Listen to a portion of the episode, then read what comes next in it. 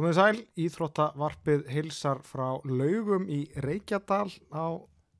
Nei, heitir þetta ekki það? Jú, lögum er ekki þar. Þetta eru lögur er ekki þar. Ok, Í, já, við erum aftur.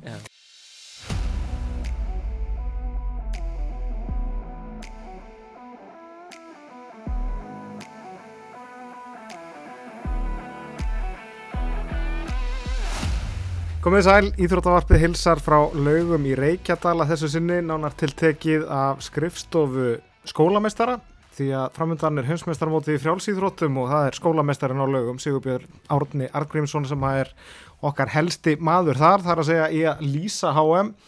Hvernig ertu svona stemdur, Bjössi?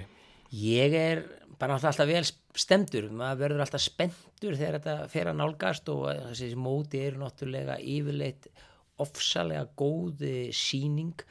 Eh, þetta er stórmót.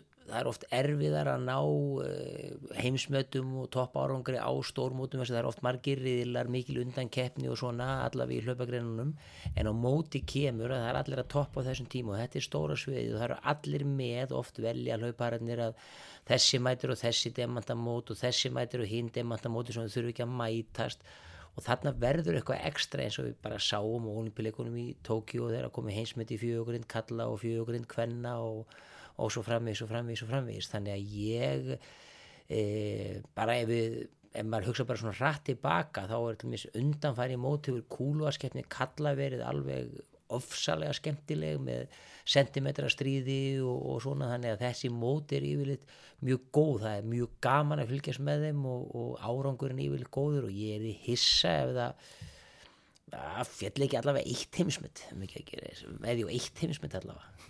Í hverju þá? Já, sko þrýstök kvenna, stöng karla kúla karla þetta eru greinar sem koma svona hratt upp í hugan svo náttúrulega er möguleiki á fjögurind karla, ég segi það ekki en, en, en e, 1500 karla er samt ólíklegra í 1500 og svoleiðis greinum. 5000 kvenna, 1500 karla vegna þess að e, það er oft svo taktíst hlaupnar, menn er ekki að það er enginn til að halda upp í hraðanum.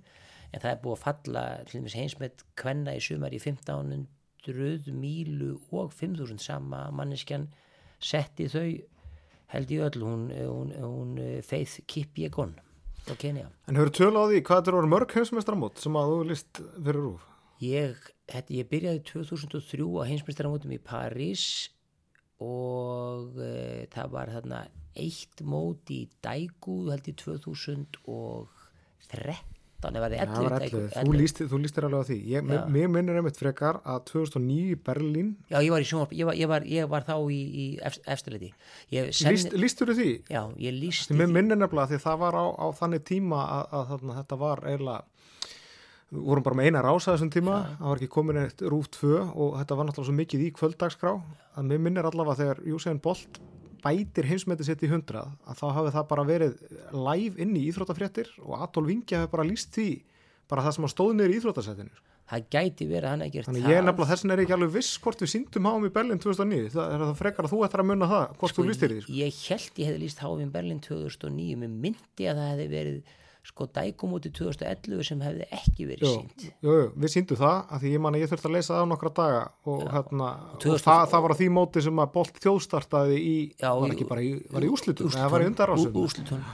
Og þá vann, þá vann Blake, eh, 2013 var það í Moskú þá. Já, já, við síndum það. Já, þá, þá held ég, ég, ég lísti 2009, ég lísti 200 metrar hlaupinu 2009, mér finnst ég hafa, mér finnst ég hafa líst þessu 100 metrar hlauparsbolt en kannski ég lísti þið bara árið áður í, í þarna í Peking. Peking, en ég held ég hafi líst þeim öllum, ég er að hugsa um innanúsmótin, það var í Budapest 2004 og Birmingham 2005, ég fór 2000, ég held ég hafi farið að líst, kannski líst ég ekki innanúsmóti 2009, þetta er orðin ansi mörg mót, þetta er, eh, Og rennur greinlega svolítið saman í eitt. já það gerir það, sko, þetta er svolítið skondið þegar þú ert að lýsa mótun og þú undirbyrjuði þig og gert þetta, þegar ég var að horfa sem ungur drengur, eh, sagt, eða ungur, ég er úlingur, ég, Barcelona 92 olimpíuleikarnir, heimsvöndunóti Tókjó 91, þannig er ég 18 og 19 ég geti öruglega sagt fleiri sigurvegara frá Tókjó 91 heldur en ég get sagt frá því fyrra í Oregon sko. Það er bara alveg greift í minnis og hitt einhvern veginn bara rennur saman, það, það er alveg með ólíkindum sko. Ólimpíkarnir standur alltaf, alltaf aðeins upp úr því þeir eru sjaldnar og eru bara svo ofsalega það er bara svo, og ég hvet alla sem hefur að tökka á því að þið komist einhver tíma á olimpíuleika, það er hægt að fara í Parísu næsta ári, það er viðbjóslega dýrt því að konum minn hefur verið að reyna að kaupa miða og þegar við fórum fyrst inn að kosta hann bara hver miði 500.000 og ég held við höfum síðan náði nýri 100.000 í einhverju, einhverju öðru útbóði og hún ætlaði að kaupa marga daga og við endum að kaupa bara þrjá daga að Sko, ég var nú skoðum daginn, Já. Bara inn að þessari miðasölu síðan, ég sínist vera sko miðar á setningarháttíðina það eru 2700 eurur sem eru tæpar 400.000 ja. krónur. En samt að þetta var opinn setningarháttíð sem þetta á að vera við bakka, árbakka signu ja. og almenningur á að geta komið án miða og staðið ykkur staður og séðu örgulega hallaróna að koma að inn þó sjáu kannski ekki aðal atriðin sko en svo er þetta sko miðar alveg neyri 3500 kall síndist mér á leiki í í fókbóltanum sko. þetta, þetta var sko handbóltinn 13 áskall cirka miði körubóltinn 19.000 en svo fann ég miða á aukra sundgrein og það var 143 Já, skall, næstu í 1000 eurur sko. það var það sem við sko, hún skráði sig á einhvern lista og svo ætluði með öðru vinnafólki okkar og það var svolítið skondið að hann skráði sig aðeins og eftir henni og hún fekk glugga sem hún mátti kaupa miða í rúmlega 24 tíma og hann fekk glugga 24 tíma eftir henni og þeir gáði ekki eins og ná miðum og sömu viðburuna því það var alltaf verið uppselt sko, þá voru, þá var búið að selja alla dýrustu miðana og hún er núna að býja til hvort að ódýrustu miðan komi upp tíma í sölu og svo, svo skondi í frjálsum hún gæti ekki kæft með fjóra með einu en í blaki og þeir gæti hún kæft sex mm. og þau eru að fara hann að fimm þannig að í frjálsum þá ætlaði ég nú að retta einum kannski gesta lýsar að passa og við að fengi bara sitt á mér í bóksinu eða okkur eða eitthvað sko en ég hvet alla sem eiga möguleika að fara og olimpíuleika að prófa það einu sinni, það Já. er bara eitthvað allt annað þó að HM og EM og allt sé æðinslegt að þá er Já, en svo líka þú horfir mitt á HM að því olimpíuleikarnir eru fjögur ára fresti meðan HM er á tveggja ára fresti Já. og mér er sem núna ár eftir ár út af þessu frestaða móti í fyrra út af COVID að þá er náttúrulega saga HM til dæmis í frjálsum og í rauninni HM í meira og minna öllum greinunum að kannski fótbolta nær ekkert svo langt. Nei, sko, fyrsta... HM í, í frjálsum er bara hvað 83 eða eitthvað er 40 ára árumurlega 40 ára þetta er 40 ára ammæli í ár þetta er fyrsta og fyrsta, fyrsta mótið er sko eh, 83 og svo var 87 og 91 svo fóruð að vera tveggjar og fresti Þannig að, Þannig að fram að því að þá eru rauninu ólimpjöleikar í gildi heimsmeistaramóts í, í, í ekki bara frjálsum, heldur bara í mjög mörgum greinum, þetta er bara mjög sem tíma hvenar, hvenar heimsmeistaramót koma inn, sum koma fyrr önnur aðeins setna, en, en svona kannski mörg eitthvað starf þarna í kringum með mitt þetta 83 móti í frjálsum en, en svona fótboltin er í rauninu alveg sér á báti þar sem að það er byrjað að keppa 1930 strax um heimsmeistaratitil en fram að því á þessum fyrstu nútíma olimpíuleikum er raunni þá olimpíumestarinn í fótbolta er raunni heimsmeistari. Já, og þetta, og að því við erum að tala um þetta að þá að því að Seljan Freysi Præs á möguleika að vera fyrsta konan til að vinna gull sexinum í sömugrinni núna þessum heimsmeistarmóti þekka sjöttu gullvelin í 100 kvenna. Hún vann eh, 2009, 13, 15 var í Basburlegu 17 svo vann hún 19 og 22 og svo getur henni 23 og það er jöfnun og Sergi Bubka og maður, ég hugsa strax með mér þetta er rosalegt, því hún náttúrulega Bubka það er ekki að taka sér svona barspíli hún vinnur alltaf HM, Ellen Thompson búin að vinna núna tjóðs ára olimpíuleikum en Selja hann hefur alltaf tekið HM-gullinu en, að því voru hugsamund í morgun að, að þarna, að semst þetta var auðvitað erfiðara fyrir konundar að því að, því hún fyrir barspíli sem Bubka gerir ekki. En Bubka vinnur sexinum líka og fyrstu mótin sem hann vinnur eru 83, 87 og 91 Já, það sem eru fjögur ára á milli. Það sem eru fjögur ára á milli, svo vinnur 93, 93 5 og 7 þannig að, þannig að það í raun og veru það var talsveit afreik hjá Búbka að vera svona lengi í, í fremstu röð í, í, í stönginni sko, af því að það voru mótin voru, hann missir raunverulega úr tvö mót, svipaði svo kannski konar, Tomsson missir, nei hérna segi ég, hérna Freysi Præs missir út móti 17 vegna basbjörnulefi sko. Mm þannig að þetta er eh, en hún er eina stóru stjórnunum á þessum úti Þú ert að fara að lýsa frá Akureyri núna. Hvernig er það? Þú er búin að prófa einu sinni yfirleitt náttúrulega er það náttúrulega að lýsa af staðnum eða þá úr efstaleiti úr, úr mismunandi herbyggjum eftir, eftir árum og, og mánuðum en, en núna prófaður þið fyrir að lýsa EM frá, frá Rúvak og, og allar að gera það núna. Hvernig svona Sko, það er Kosturum að lýsa frá Akurur að það er stutt heima og stutt heim segi ég og, og meira segja félagi minn á sumambústæði vaðla henni sín stundu fengið að henda mér yfir nóttinni eða morgunsessjónu eitthvað svo leiðis þannig að það er, það er voðalega þægilegt. E, aðstæðan á Akur er ekki alveg eins góð og í Reykjavík því þetta er náttúrulega bara stúdíó og, og, og semst þannig það er alls konar minna borðplás og ég er að tala í, í semst mikrofón svona ekki headset eða þannig sko Hljóttur nú geta að retta því samt núna. Já, það getur vel verið. En, en, en, en sko ef Hilmar er nú að hlusta ef hann hlustar auðvitað í hrjótavarpið að, að þá náttúrulega að lýsa frjálsum það er langt best að gera það af staðnum af því að frjálsar er þannig í hrjótagrein að það eru yfirleitt þrjár til fjóra keppnisgreinar í gangi í einu. Og ef þú situr upp í stúkunni þó að þið séuð að horfa á 100 metrar hlaup á skjánum þá get ég verið að fylgjast með guðuna í kringlunni eða, eða einhverjum í langstökki eða, eða eitthvað svoleið som meðan og svo þegar það kemur inn þá veit ég hvað hefur hefur gesk og sammi nefnilega hann prófaði döngtíman og svo sagði hann það væri alveg vonlust að lýsa þessu ef maður væri ekki á staðnum af því að það var svo margt í gangi í, í einu, versus í sundi þá var bara einn sundgrunn í gangi í handbólta er bóltin bara einu stað og við fáum endi gól ef markur er næstnast úr markinu og eitthvað svoleiði sko. Það er blessaðast, það er betra að lýsa öllu af staðinum en, en það er hins vegar bara segið sér sjálf að við náttúrulega getum ekki verið alltaf, alltaf og, og lýst öllu alltaf frá staðinu sko hana, Nei, það er hins vegar Ég ætla svo sem ekki að taka alveg undir með þér á öllu leiti þó að Þá ég þó- vil komast út já, þó, þó ég sé alveg sammálaður að það er bara yfirleitt betra að, vera Já, á staðnum já. bara upp á þú upplifir, upplifun er allt önnur sko. upplifun er allt önnur. Þetta, er, þetta bara er, það er ágætt að vera það er ágætt að vera rúvakurir það er líka mjög gaman að koma í efstaleiti vegna þess að það eru já, það er hittir maður svona já, hvað ég segja, kollega í þessari íþróttar lýsindastjætt fólk spyrum svona hvernig þessi íþróttafrétta maður og ég segist eiginlega aldrei hafa sagt íþróttafrétt en ég lýsi og þá hittir maður líka fólk sem er með brennandi áhuga á íþróttum og alls konar íþróttum og það er svona gaman að sitja og kjafta. Ég er ágætur, ég er ágætur í að spjalla. En en ef við vindum okkur í mótið sem er framöndan og byrja núna lögadaginn Fyrsti keppnistagurinn er í rauninni bara mjög stór sérstaklega fyrir okkur Íslandinga því að við erum náttúrulega erum með þrjá íslenska keppmyndur í ár. Guðni Valur, Guðnason í kringlukasti Hilmar Örn Jónsson í sleikjukasti og Erna Sólei Gunnarsdóttir í, í kúluvarpi og, og strákarnir eru bara báðir strax á lögadaginn á þessum fyrsta keppnistegi Já, þeir eru það og ef ég e, man rétt að þá útvegaði Hilmar e, spena eða, eða, eða fít, ég held að hann að senda með 12% það að það væri komið, við ætluðum að reyna að ná Já, við erum að vinna í því þannig að þarna, við ættum að geta sínt öll kostin þeirra. Já, það væri náttúrulega alveg, alveg briljant og, og ég meina Guðni er kannú með 30 á heimslistanum og hann verður bara að komast í úslit. Þetta er bara, það er orðin núna, hann er búin að vera ungur og upprennandi og nú er hann stöður, hann kasta meðaltali 63,5 metra og allt þetta, þannig að núna er bara komin tíma og Guðna í úslit. Og Hilmar fór í úslit í fyrra og þannig með 42 heimslistanum, ég, hann getur alveg farið í úslit sko.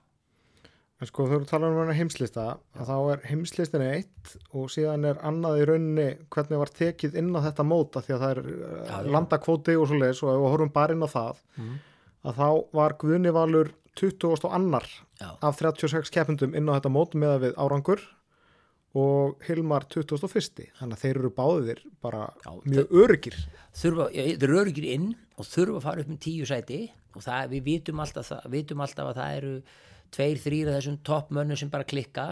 Og við vitum líka að það er alltaf einn óvæntur og það getur þá alveg fyrir Guðni eða, eða Hilmar þó þeir eru- reyndar kannski hvoruðu kallaðir óvæntir í dag vegna að Hilmar er búin að fara í úrslit og Guðni er bara búin að kasta þetta lánt en já, ég vil bara eiginlega gera þá kröfu að þeir fari í úrslit að minnst kosti annar þeirra. Ég rætti aðeins við Hilmar Örn Jónsson, sleggjukastara uh, í gegnum Zoom því að hann er, hann er æfingar í Svíþjóðu núna fram að, fram að HM, við skulum aðeins heyra í Hilmari. Hvernig bara svona, ef þú segir mér frá undirbúningnum núna fyrir HM? Hann er bara búin að vera góður. Ég er búin að vera hérna í Falun núna að verða viku. Æfa með þjálfarnir mínum og grúpunni hérna í Falun. Það er bara búin að ganga mjög vel og bara mjög spenntur. Hvernig svona lítur þetta allt út hjá þér með við hvernig bara tímabilið hefur verið til þessa? Tímabilið hefur svo sem bara gengið ágætlega og ég hugsa að ég sé nú svona að rýsa upp frá því sem það hefur verið. Ég hef svona átt svona svolítið skrítið tímabil. Ég er með gott meðaltal á mótum en kannski ekkert eh, ekkert svona eitt langt kast eða neitt sérstækt en bara svona jafnt og nokkuð þétt sko. Þannig að ég er bara vonandi verður þetta bara eitthvað svipað á HM. Og búin að vera að keppa svolítið úti líka í sumar, varst í Kenju þarna snemma sumar, svo svona þessi stóru mót sem eru samt kannski ekki beint stórmót, þau hljóta að tellja inn í þetta alls saman. Jó, Kenju móti var alveg risastórt fyrir mig. Ég fikk, ég festaði líka þokkalega langt, þannig að ég fekk vel að hérna, þessum stegum sem maður er að sækja eftir í ranking og svo bara svona annar jafn og þjættur árangur hefur bara skilað skilaði því að fór svona nokkuð auðvitað inn á HM sem var svona svolítið nýtt. Þurfi ekki að vera reymbast við að komast inn á mótið heldur bara gekk það nokkuð smurt. Já, eins og þú segir, þú hefur bara búin að vera inn á miðjum lista svona, við tökum í 36 seti bara í allt sumar hvernig svona, er, hefur það ekki með þetta verið þægilegt að vita það að þú getur bara í róliheitunum verið að undirbúa þig eða róliheitunum, bara verið að undirbúa þig fyrir háam, þú veist, vissir það mjög snemma í raun að þú verið að fara á það Jú, algjörlega, það sparaði mann svona smá smá hérna stress að þurfu ekki endilega að vera eldast við einhver, einhver kraftaverk sko, bara svona að skila sínu og, og það gekk eftir þá, já það bara vonandi verið áfram svo leiðis Þriðja heimsmeistaramótið, hvernig ferðið inn í þetta samanborðið við, við hinn tvö, London 17 og svo Eugene í fyrra? London var náttúrulega svolítið öðruvísi, ég fór þangað á kvóta og svona, já bara og var eiginlega ekkert, vissi ekkert hvað ég átti að vona, gekk ágætlega bara því að ég var einhvern veginn svona nýliði og bara fannst gaman að vera þarna sko, svo uh, háan í fyrra, þá var ég nú svona orðin svona uh, svolítið reyndari og, og kastaði mjög langt og var mjög sterkur þannig séð. Ég endaði nú ekki hátt en ég átti þarna langt ógilt kast og svo hérna, já, þannig að það er bara svipa, svipaður undirbúningu núna fyrir þetta og síðast og kannski svona, þetta er svo svipaðin tíma og EMR í fyrra og undirbúningunum hefur verið mjög svipaður þannig að ég er bara, og þetta verður allt mjög svipað. Setur maður þessar önnur markmið eða, eða aðra pressu svona á sig þegar maður er að fara inn í sitt þriðja heimsmeistaramót og, og þegar maður er búin að fara inn í úslit á einu Evrópmóti eins og þú gerðir í fyrra? Nei, í raun og veru ekki, bara mæta alltaf með sama sko, reyna bara að fylgja sínu plani og gera sitt sko, en hann alltaf vissulega er einhver pressa á að gera vel, kannski ekki síst frá manni sjálfum og en það er nú bara maður getur alveg, er jafna líkur að maður standist pressuna og ekki þannig að það er bara gott. En hvernig er það einmitt að þú fóst í úrslit á EM í fyrra, hversu mikið sterkara er HM, hversu margir sterkir sleggjukastar að koma utan Evrópu? HM, þetta er svona aðeins að breytast núna, núna er þetta að að vera svolítið, HM er aðeins sterkara sko, að bætast við þarna uh, tveir, þrýr Amerikanar og eru sterkir frá Söður Ameríku líka nokkrir, þannig að þetta er svona þjætt svona í kringum miðjuna sko, þannig að það getur alveg, uh, þetta voru hörku keppni og það var örgulega meira heldur en á EM en svona yfirleitt meðaltalið á síð, síðustu fimm HM er held ég eitthvað í kringu 75 komast í úslit þannig að það er svona það er, það, er það sem var húrður á mest sko. Hvað sér þið fyrir þér svona í keppni, ég veit að það nú er að sjá keppna eitthvað fyrir sér fyrirfram en, en svona hvað áallar au að þú þurfur að gera? Að það sé þessi 75 metrar. Já, eitthvað sluðis alveg frá 74 og hálfum og upp í 76 sko, einhverstað þar á bilnu þannig að ég þarf einhverstað að vera í kringum mitt svona besta á árinu og helst betur þannig að ég held að það sé alveg geranlegt sko En hvernig er fyrir ykkur í þessum teknikreinum að fara inn í svona mót þar sem að þú getur ekki leiftir að taka neitt öryggiskast, þú þarf bara að fara all in alveg strax frá fyrsta kasti og, og þú veist ekkert hvort að það verður bara risa kast eða hvort það bara hreinlega að fara í neti? Nei, það er einmitt svolítið sem ég hef verið aðeins að, að vinna í sko, að reyna að koma mér í gang strax. Ég er oft búin að vera svona eitthvað hálf hikandi í, fyrstu, fyrstu tilraunum og það er alltaf bara ekki nógu gott því maður hefum bara þrjá tilraunir þannig að Núna er búin að vera að vinna mikið í þessu og koma mér í gang hratt, já svo skal segja og það hefur bara gengið vel þannig að ég svona hlakka til að reyna það á stórsviðinu. Og er þetta spurningin alltaf bara á sama gamla dagsformið, bara annarkvort nærðu kastinu og þú bara ferði í úslit eða þá bara þú allavega gerir þitt besta og, og svo bara sjáu hvað, hvað sæti það þýðir Já, ég segi, ég segi náttúrulega ekki dagsformi, dagsformi ætti bara að vera gott sko, ég er bara vel undirbúinn og klár í slægin, þannig að bara uh, svona, þannig að fylgja mínu plani og gera það sem ég ætla mér að gera og þá gengur alveg pottitt vel sko. Hvernig ferðu yfir til Ungverðarlands? Ég fer á morgun, miðugudaginn, það er það 16. og tek eina æfingu þarna úti á fymtdaginn og svo er rólegur á förstdaginn og svo komið aðeins á lögadaginn. Og keppirum við bara strax á fyrsta degi og bara í fyrsta, fyrsta hólfi eða fyrsta sessjóni. Hvernig er það? Skiptir það einhverju máli fyrir þig? Nei, nei, það skiptir einhverjum máli. Maður bara, það er svo sem fínt að hérna uh, hafa stutt að, eða mér finnst það ágætt að hafa stutt að við komum inn í svona þorpunni þar að segja að maður er ekki inn í þessari búblu sem að vera til með öllum íþróttamönnum og þjálfurum.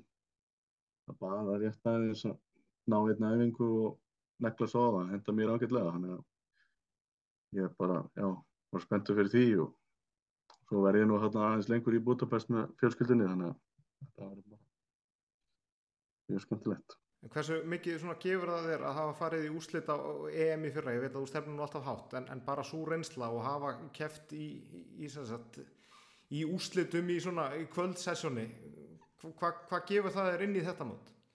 Bara minningarnar frá EM í fyrra?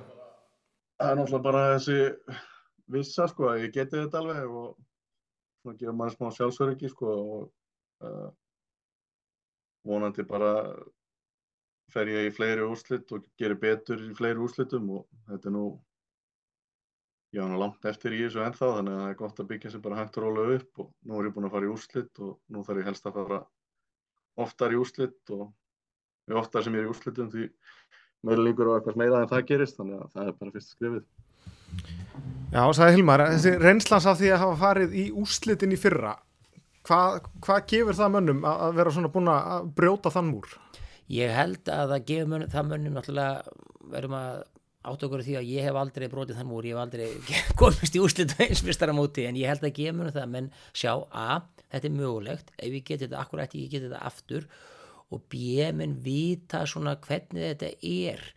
Stressið, ok, ég kemst í úslit, núna er ég komin í úslitin, þá er ég kannski aðeins rólegri að þessu sinni skiptið tvö, vill maður fara aðeins lengra, kannski þegar maður kemst í úslit og heimsmestara móti í fyrsta sinn þá er maður ánæður, þá er markmunni náði að komast í úslit, erfiðar að fylgja því eftir, næst þá er maður ekkit ánæður með að komast bara í úslit, þá vil maður í áttamannahópin og þar á eftir á pall, skiluru og, og, og, og þannig bara er það.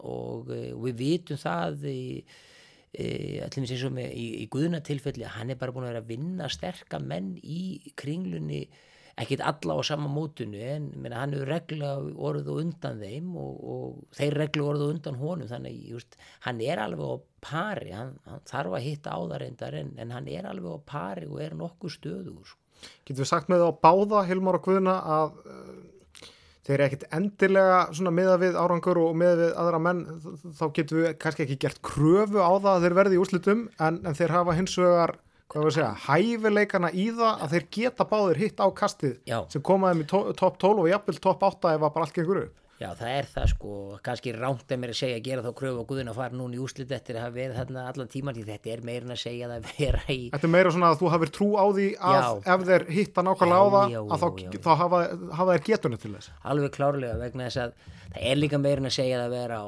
topp 25 í heiminum sko. Það er bara þannig sko. En Guðni Valur, þú talar um um þetta, hann hafi verið að vinna ákveðina menn svona það sem að aðver ári þó hann sé nú kannski búið að vera að kasta Já, þetta er svona bara nokkuð stöðu tjánu, 62-63 metrar. Það er nú sennilega að kasta aðeins lengra ef hann ætlar í úslit en, en, en hann er samt allavega búin að vera stöðugur og, og, og yfir þessum 62 metrum yfirleitt ekki bara rétt undir 60 eins og hann var svona kannski bara í fyrra hitti fyrra þannig að það svona kannski já, eru ágættis fyrirheit þannig séð. Já, ef hann er aðeins að slaka á og, og, og, og hérna, semst, rýfur ekki mikið í þetta, þetta þurfum við að taka á því það, það, það er náttúrulega engin það er enginn á þessu, ég, veit ekki kannski stól eða einhver uh, kristjansle eða eitthvað svolítið, kannski geta þessi menn tekið öryggiskost en menn eins og Guðni getur ekki tekið öryggiskast og farið í úslit, hann verður náttúrulega bara að, að, að hitta, hitta á það. En mér fannst alltaf svona upplegi sem við ég stuðum með þarna fyrir olimpíuleikarna 2016, mér fannst það alltaf, alltaf frábært áttararplan fyrir Guðina sko, varandi olimpíuleika bara olimpíuleika 2016, úslit 2020 og pallið 2024 ok, við skulum senka þessu úslitum eitt, fjögur ár og pallinum mönnu fjögur ár en þú veist, minna Guðni hefur, hann hefur gríðarlega burði líkanlega til að, til að ná, ná í allra fremstu röði í, í, í krílumkasti sko. Og Guðni, ég rætti með til Guðna líka núna nýlega og, og hann er að tala um það að húst, hann er farin að horfa lengra heldur um París, hann er farin að horfa allavega til Los Angeles 2028 þannig að hann þó hann lýsi, hefur nú lýst í meðlannis í viðtalinu að það er mjög erfitt að vera afreiks íþróttamaður í svona langan tíma bara upp á réttindi og, og, og bara tekjur og annað að, að þá að þá er hann samt farin að horfa svo langt og ég held að við ættum kannski bara aðeins að grípa inn í, í spjallmitt við, við Guðnaval áður en lengra er haldið. Uh, ég er bara aldrei verið betri sko, ég er að kasta mjög vel teknilega og er fyrir ykkar heil, bara heilt yfir, heilri heldur en ég hef verið hingað til held ég á síðustu fimm árum svona heilt yfir. Þannig að þetta lítur bara mjög vel út og er ég að kasta rosalega jaft. Þannig manni líður alltaf eins og mann eigi meira inni sem er náttúrulega bara frábært og er ég bara, er sísón besti mitt eða ársbesta er bara metir lengra heldur en meðaltælega á topp 10 þannig að þetta lítur vel út og vonandi getum að kreist út góðkost á HM og gert eitthvað skemmtilegt Nú talar um formuða þérkunni, getur svona verið að kasta í kringu 63 og svona, eða svona miðað hvernig þetta hefur verið hjá þeirri sumar. Þetta er búið að vera svona nokkuð stöðugar kastserjur hjá þeirri, eða ekki? Mér á minn allt yfir 62 allavega, Jú, svona í flestu mótum hjá þeirri.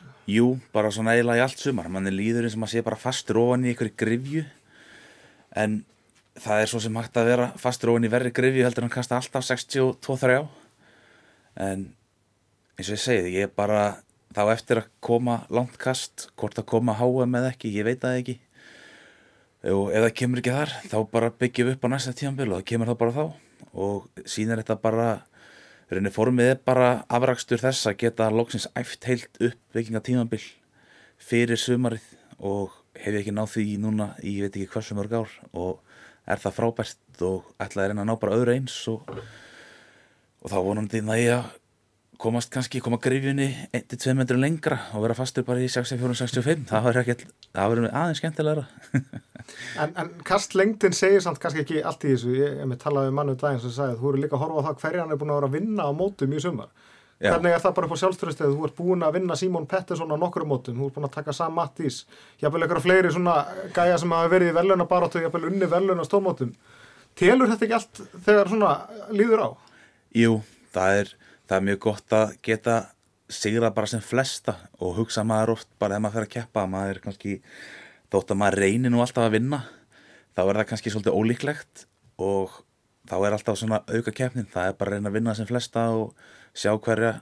Maður getur unnið svona yfir tímabilið og eru rosalega margir komnir undir þann lista. Það eru örfáir sem maður á eftir að vinna og það verður rosalega gaman að loksins vinna þá ef maður nærði þar sem að þeir eru ríkalega góðir og það er svona eins og heimsmyndstarannir Daniel og Kristján og, og eins og einhverju fleiri. Þetta er bara þetta er erfitt að reyna að vinna þá sem eru bara langbæstir í heiminum.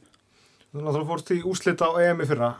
Hver er svona munurinn, ef við horfum bara yfir keppendur á, á EM og HM, eru margir sterkir keppendur utan Evrópu í, í kringulíkastinu eða er bara lítill munur á milli, milli þessara móta í rauninni, hvað keppendalist það var þar? uh, það, svona, mér finnst heilt yfir ekkert vera neitt rosalega mikill munur á EM og HM þar sem að kringlukast er rosalega sterk yfirleitt í Evrópu en þetta eru auðvitað aðeins sterkara sem að það eru menn sem að er að koma frá Ástralíu, Bandaríkjónum og Jamaica helst sem að eiga mjög lögum kost og eru að kasta vel og eins og það er frá held ég Samoa held, ég held að það sé eini keppandi frá þeim og hann er búin að kasta 70 metra í ár. Þannig veist þetta mun alveg hækka standardin örlítið upp á að reyna að komast í úrslitin og minna, ætla maður bara að reyna að kasta langt og komast í úrslitin og það mun ekki allir eiga frábæra daga og einhver mun eiga umöla daga og aðrir gegja og vonandi á maður bara frábæran og gegja dag Ég sá mitt hjá þegar í fyrra guðinni þegar þú fórst í úslitin á það EM að, að þú komst ekki einu sinni, þú þurft að býða heilengi eftir að fá því viðtala þegar þú varst að klára að horfa á keppna þó að þau ekki komist í topp 8 ætlar að sjúa allt út úr þessu. Já, það er náttúrulega bara galið sko að þetta er náttúrulega er yfirleitt gert, þá er bara þeir sem að eru ekki í topp 8, þeir eru beðnir um að fara og þá þarf maður að lappa sko hringin í kringum kjallara og þá missir maður bara restan af keppninni. Og ég nefndi því ekkert, ég vildi sjá hvað var að fara að gerast. Þannig að ég satt bara að tegja rólugur á jörðinni meðan ég var að fylgjast með strákonum kasta og það var mjög skemmtilegt. Þannig að langt besta sæti í húsin er bara hliðina. En þessi reynsla að hafa loksins komist í úslita stórmótið henni fyrra, hversu mikið gefur það er fyrir, fyrir HM núna þó að þetta séu þetta alltaf bara spurningu dagsform og, og hvað það er að gera? Það er bara rosalega gott að vera búin að brjóta þennan múr að vera ekki alltaf fastur í, í undanúslitunum og hafa komist inn í úrslitin er rosa gott þótt að maður hafi verið heldur 12 eða 11 inn þá skiptir það enga móli það bara ekki náðu langt og komst maður í úrslit og ég er alveg vissum að þurfu öruglega allan að 2 metri lengara núna. Og ætla ég að gera mér allar besta bara til þess að ná því og helst aðeins lengara og lengara í undan úrslitum og helst bara lengara líka í úrslitunum. En það er fyrsta markmið komast í úrslit og síðan komast í topp 8, fá öll nýju kostunum mútinu, það er svona aðalmarkmið á mútinu og, og reyna að stríða það bara eins mikið sem maður getur. Þetta er náttúrulega rosalega teknikreinar, þessar kastgreinar, þannig að þegar þið er að fara ólinn, er að gefa allt í þetta, er að taka kannski smá áhættu í rauninni. Já, yfirleitt sko, það eru mjög fáir sem að geta kasta það langt að þeir geti tekið bara eitthvað örgiskast og tryggt sér bara að vera í topp 6, eitthvað svona eða topp 3 og oft þegar maður fer í öryggiskast þá bara er kannski svona takturinn hans öðruvísi í kastinu og þá er kannski bara aðeins meira líkur maður klúður í. Þannig það er allavega, ég hef alltaf bara fára að nelta á það. Stundum gengur að fínt og stundum gengur alveg skjálfilega eitthvað eins og held ég 2019 og 2021 á ólipileikunum Það er alveg allir kannski, bara svo útskýrið það þegar, þegar þið kastararnir allavega í kringlukast og sleggjukasti þessum að þetta net er í kring, er að kasta í neti það, það, það er góð að gilda ástæða fyrir því í rauninni. Já, þú veist, maður er bara að reyna eins mikið að maður getur á sig og maður kannski flesti myndir tengja það við kannski úr gólfinu. Veist, það er kannski auðvelt að slá bara inn á braut og stutt en þegar þú ætlar að taka það sá því og negla á það þá veit maður aldrei hvert bóltinn fer. Þannig þetta er svolítið svoleiðis en yfirleitt kasta maður bara þokkalega og hittir inn í geiran hann er nú mjög breyður en það er bara stundum með smá auka adrenalín kannski er eitthvað stress að leynast líka og þá kannski, þá byrjar maður að gera eitthvað litla hluti öðruvísi sem maður gerir ekki vennilega Hver er munurinn svona þegar kemur að því og, og, og er, er það verra fyrir kringlukastara heldur en fyrir spjótkastara eða, eða sleggjukastara til dæmis? Nei, svo sem ekki tannig sko, þetta er þetta er náttúrulega ef hann er lokaður þá eru auðvitað minnstu, minnstu líkunar að maður fái lélagar aðstæður veist, það eru mjög líklega bara að fara að vera engar aðstæður, bara loftið fyrir eitthvað dögt og allir að negla á það og það eru öruglega best fyrir sleggjuna. En ég hugsa að bara það verður frábært, stundum myndast einhver ringvindur inn á þessum stóru leikvöngum og hérna og getur komið alveg fínar aðstæður stundum og ömulegar í öðru kasti. Þannig þetta er bara þetta getur verið hark en það er allir að fara að glíma við þetta og maður mun bara negla á þetta og sjá hvað gerist og verður bara gaman að sjá bara hversu margi mæta á steytiðum með og hvort maður getur ekki notað eitthvað orkuna frá þeim í að kasta lengra og þetta verður bara hörku spennandi. Þar sem að, alltaf ég fór að háa um í Katar og það voru ekki rosalega margir í, í stúkunni þar. Ég vona að það verður margir núna þannig þetta, er, þetta verður bara spennandi að sjá og alltaf gaman að keppa á stórmóti sama hverja aðstæðan þar eru Þú hefur alltaf verið óhrættur guðinu við að segja líka bara þú ætlir í úslitt ætti að takist ekkert. Nei, já, þú veist, ég hef alltaf bara svona, gaman að ég hef alltaf haft eitthvað svona, eitthvað að ruggla að trúa mér sko, þótt að það sé kannski ekkert líklegt að ég sé að fara að gera hlutina þá bara líðið með svona einstinni eins og ég eigi að geta það. En svona þú veist, þannig, þannig tölfræðilega sé þið kannski næstu enga líkur að ég ná einhverju en samt hugsa ég bara að ég hlýta að geta gert þetta bara sem er kannski bara partur af því að vera íþróttamæður að vera einhver atvinnulegar að sjálfu sér en þetta er bara svona er þetta bara. En núna þetta er svona eiginlega eina tímabili sem að ég er virkilega að pæla í kannski hvað ég er að kasta því ég er búin að kasta svo ofta sama og ég er búin að taka niður meðaltölinn og svona þannig þetta er bara það lítur mjög vel út og er oft talað um að topp, hvað maður að segja, meðal árangurinn á topp 10 mótunum árinu er mjög líklega það sem að þú mynd kasta á stórmóti. Þannig að sanga því ert að fara að kasta hvað? 63 hálfan. Bara eins og öllum hinnum mótunum. Og rétt með sér það á úslutum Nei, ég vona að ég verði bara rétt ná inn í úrslitin þá. Ah. en síðan er þetta, þetta er alltaf svona þegar maður er fastur í einhverju vegalengt þá er það yfirleitt merkjum það að maður eigi eftir að ná að kasta eitthvað svona, svona breakthrough kast og hefur það yfirleitt verið svolítið maður tók sérstaklega eftir þess að maður var í kúluvarpi þegar maður var yngri að maður var kannski bara fastur í einhverjum sentimetra bara áttu við sjálfan sig í 15 metrum og sér allt þunnu bara metri lengra. Þannig ég vona að þetta verði svo leis og það verði ekkert eðla skemmtilegt að það myndi gerast á HM þannig En þinn undirbúningur svona síðustu dagana hvernig, mingar golfið aðeins, þú er búin að vera mikið í því og, og leggja fórgjöfun á svolítið í sumar? Já, já. Í hverju er fórgjöfun? Uh, hann er í pluss einum núna en hérna þetta hefur eitthvað með verið. Ég kasta yfir eitt best þegar ég er að spila golf sem mest. Þá svona þá nær maður að dreifa á huganum og maður er bara að hugsa um eitthvað allt annað heldur en að kasta. Og þetta er oft svona eins og erna að tala um að veist, maður kannski festist í ykkur í vegalengt eða kannski gengur ekki alveg nógu vel á æfingum og þá fer maður bara í ykkur svona bara í eitthvað ruggl í hausnum. Maður fer bara að hugsa, skoðar allt og maður fer kannski að efast um hvað maður er að gera og svona hugsa hvað á ég kannski að gera þetta frekar? Fyrir að horfa aðra kastara og fara að bera sína teknum með þá og hugsa svona ef þeir eru að gera svona? Kannski á ég að breyta þessu en meðan ég er að spila golf þá er ég bara að pæla sko hvernig er ekki næsti golf og Og ertu búin að bóka þér þá tíð times eitthvað staðar í Budapest eða? Það væri ógeðslega skemmtilegt að fara úti sko en nei, ég hef nú ekki gert það ennþá og svona ég maður er nú svona stór og mikill og slæðir svolítið fast þannig ég veit ekki hversu mikið ég geti verið að leia kilfur ég tók einn ring á tenni sko um jólinn þegar ég var í æfingabóðum og ég sprengti dræfirinn á þriðjíhólu ég þurfti að mæta bara upp í skála og skipta á nýjan dræfir að því að hann var bara sprungin það var glænir dræfir sko. þannig ég heit ekki það var ekkert eftirmála því allavega það var bara lítið strákur sem dói látri og, og hann, hann rétti mér einhvern gamlan góðan dræfir þannig það var frábært en eins og ég segi ég bara minnst frábært að geta að spila golf og ég kannski já, spila aðeins minna tek nýju hólur í staðan fyrir átján og og bara reyna að hafa gaman og eða ekki allir orkunni í golf og kasta langt. En lífið bara almennt sem íþróttamæður og sem einstaklings íþróttamæður, afreiks íþróttamæður, hvernig svona, er þetta að verða auðveldara, er þetta að verða erfiðara eða er þetta bara alltaf já, mikið ströggleikunni inn? Mér finnst þetta alltaf bara að vera eitthvað með það sama sko, þetta er, þetta er bara svolítið erfitt sko, þetta er ekkert, maður er ekkert að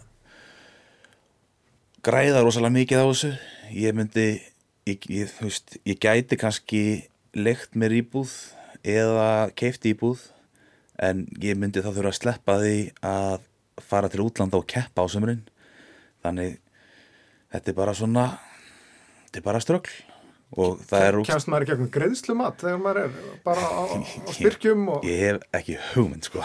Ég var að hugsa um þetta í bílnum aðan á leiðninga hvort að maður gæti sótt um lán á einhverju, ég veit það ekki og séð sé bara hvort að maður myndi náði ég er svona, það er rosalega ólíklegt ég hef ekki unnið venjulega vinnur rosalega lengi en maður kannski þarf að fara eitthvað að vinna aður litið þegar maður klárar hérna meistaranámið í, í íþróttafræðinni núna þá getur maður kannski eitthvað að fara að þjálfa svona on the side eða, eða bara eitthvað sko, þetta er maður kemst ekki langt á þessu allavega ekki með að maður kemst ekki á eins og demandamótaröðin og annað þar sem er náttúrulega aðal peningurinn inn á. Þannig fram að því þá bara þá er þetta bara ströggl og verður bara aðeins minna ströggl ef maður kemst á demandamótaröðina. En er þið bjart sín á eins og bara hugur í Viesteinu og hans fólki að, reyna að koma þessu réttindakerfi einhvern veginn í gang þó svo það gerist náttúrulega kannski ekki kvispan búm en, en svona að það sé eitthvað að fara að gerast hægt og rólega? Já, ég hugsa nú að það sé aðeins skemmtilega fyrir ernu að vera fimm árum yngra en ég þannig þetta náttúrulega tekur tíma allt og maður veit ekki hvernig þetta gerist en þetta bara gerist eða það gerist og það verður skemmtilegt sérstaklega fyrir þá sem eru yngre núna þá að upplifa það bara vonandi sem mest megnið að ferlinu sínum að vera með eitthvað svona, eitthvað garðislur og, annað eins baku sig þegar það fyrr er að keppa og slasa sig eða ætlar að fara að reyna að kaupa íbúð eða eitthvað. Og síðan náttúrulega bara væri rosa gaman ef að ef að hérna ef að fyrirtæki myndu styrkja maður meira. Maður reynir og þetta er náttúrulega maður er rosalega sáttið við fyrirtækin sem að styrkja mann.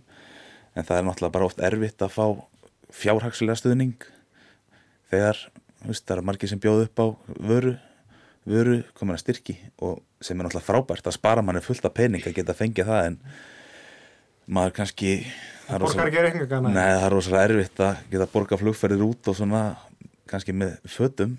Ég veit það ekki, ég hef ekki prófað ennþá allan. Sagði Guðni Valur, hann keppir sem sagt hann er í setna sessjónun er það ekki á, á, á lögardaginn sem sagt í, í kvöld hlutanum eða, eða hvað, setni part hlutanum. Já, en þre- sem sagt 13.40 að, að staðartími eru þeir ekki tveir á tveim tímu undan okkur á sumurinn ungverðarnir held það. Þannig að það er þá 11.40 ef hann er, sko, ég er ekki búin að sjá sko startlistana kemur það ekki bara deginum áður eða eitthvað í hvorum hópnum hann er og, ég held það sko. og, og þeir báðir náttúrulega, hann og Hilmar. Og svo þarna já neini, ég er að ruggla fyrir ekki. Þetta er, þetta er í kvöld, kvöldlutunum, ég bara las hérna vittlust, þetta er rétt, það er kringla, nei, sleggjan er morgun, Hilmar er morgunin og Guðni er já, og það er sko það er oft bí, eh, sko sjómarslega séð er oft betra að vera um morgunin þá er meira líku til að við sjáum en alltaf ef við erum komið með sérstakann spena þá sjáum við þetta náttúrulega.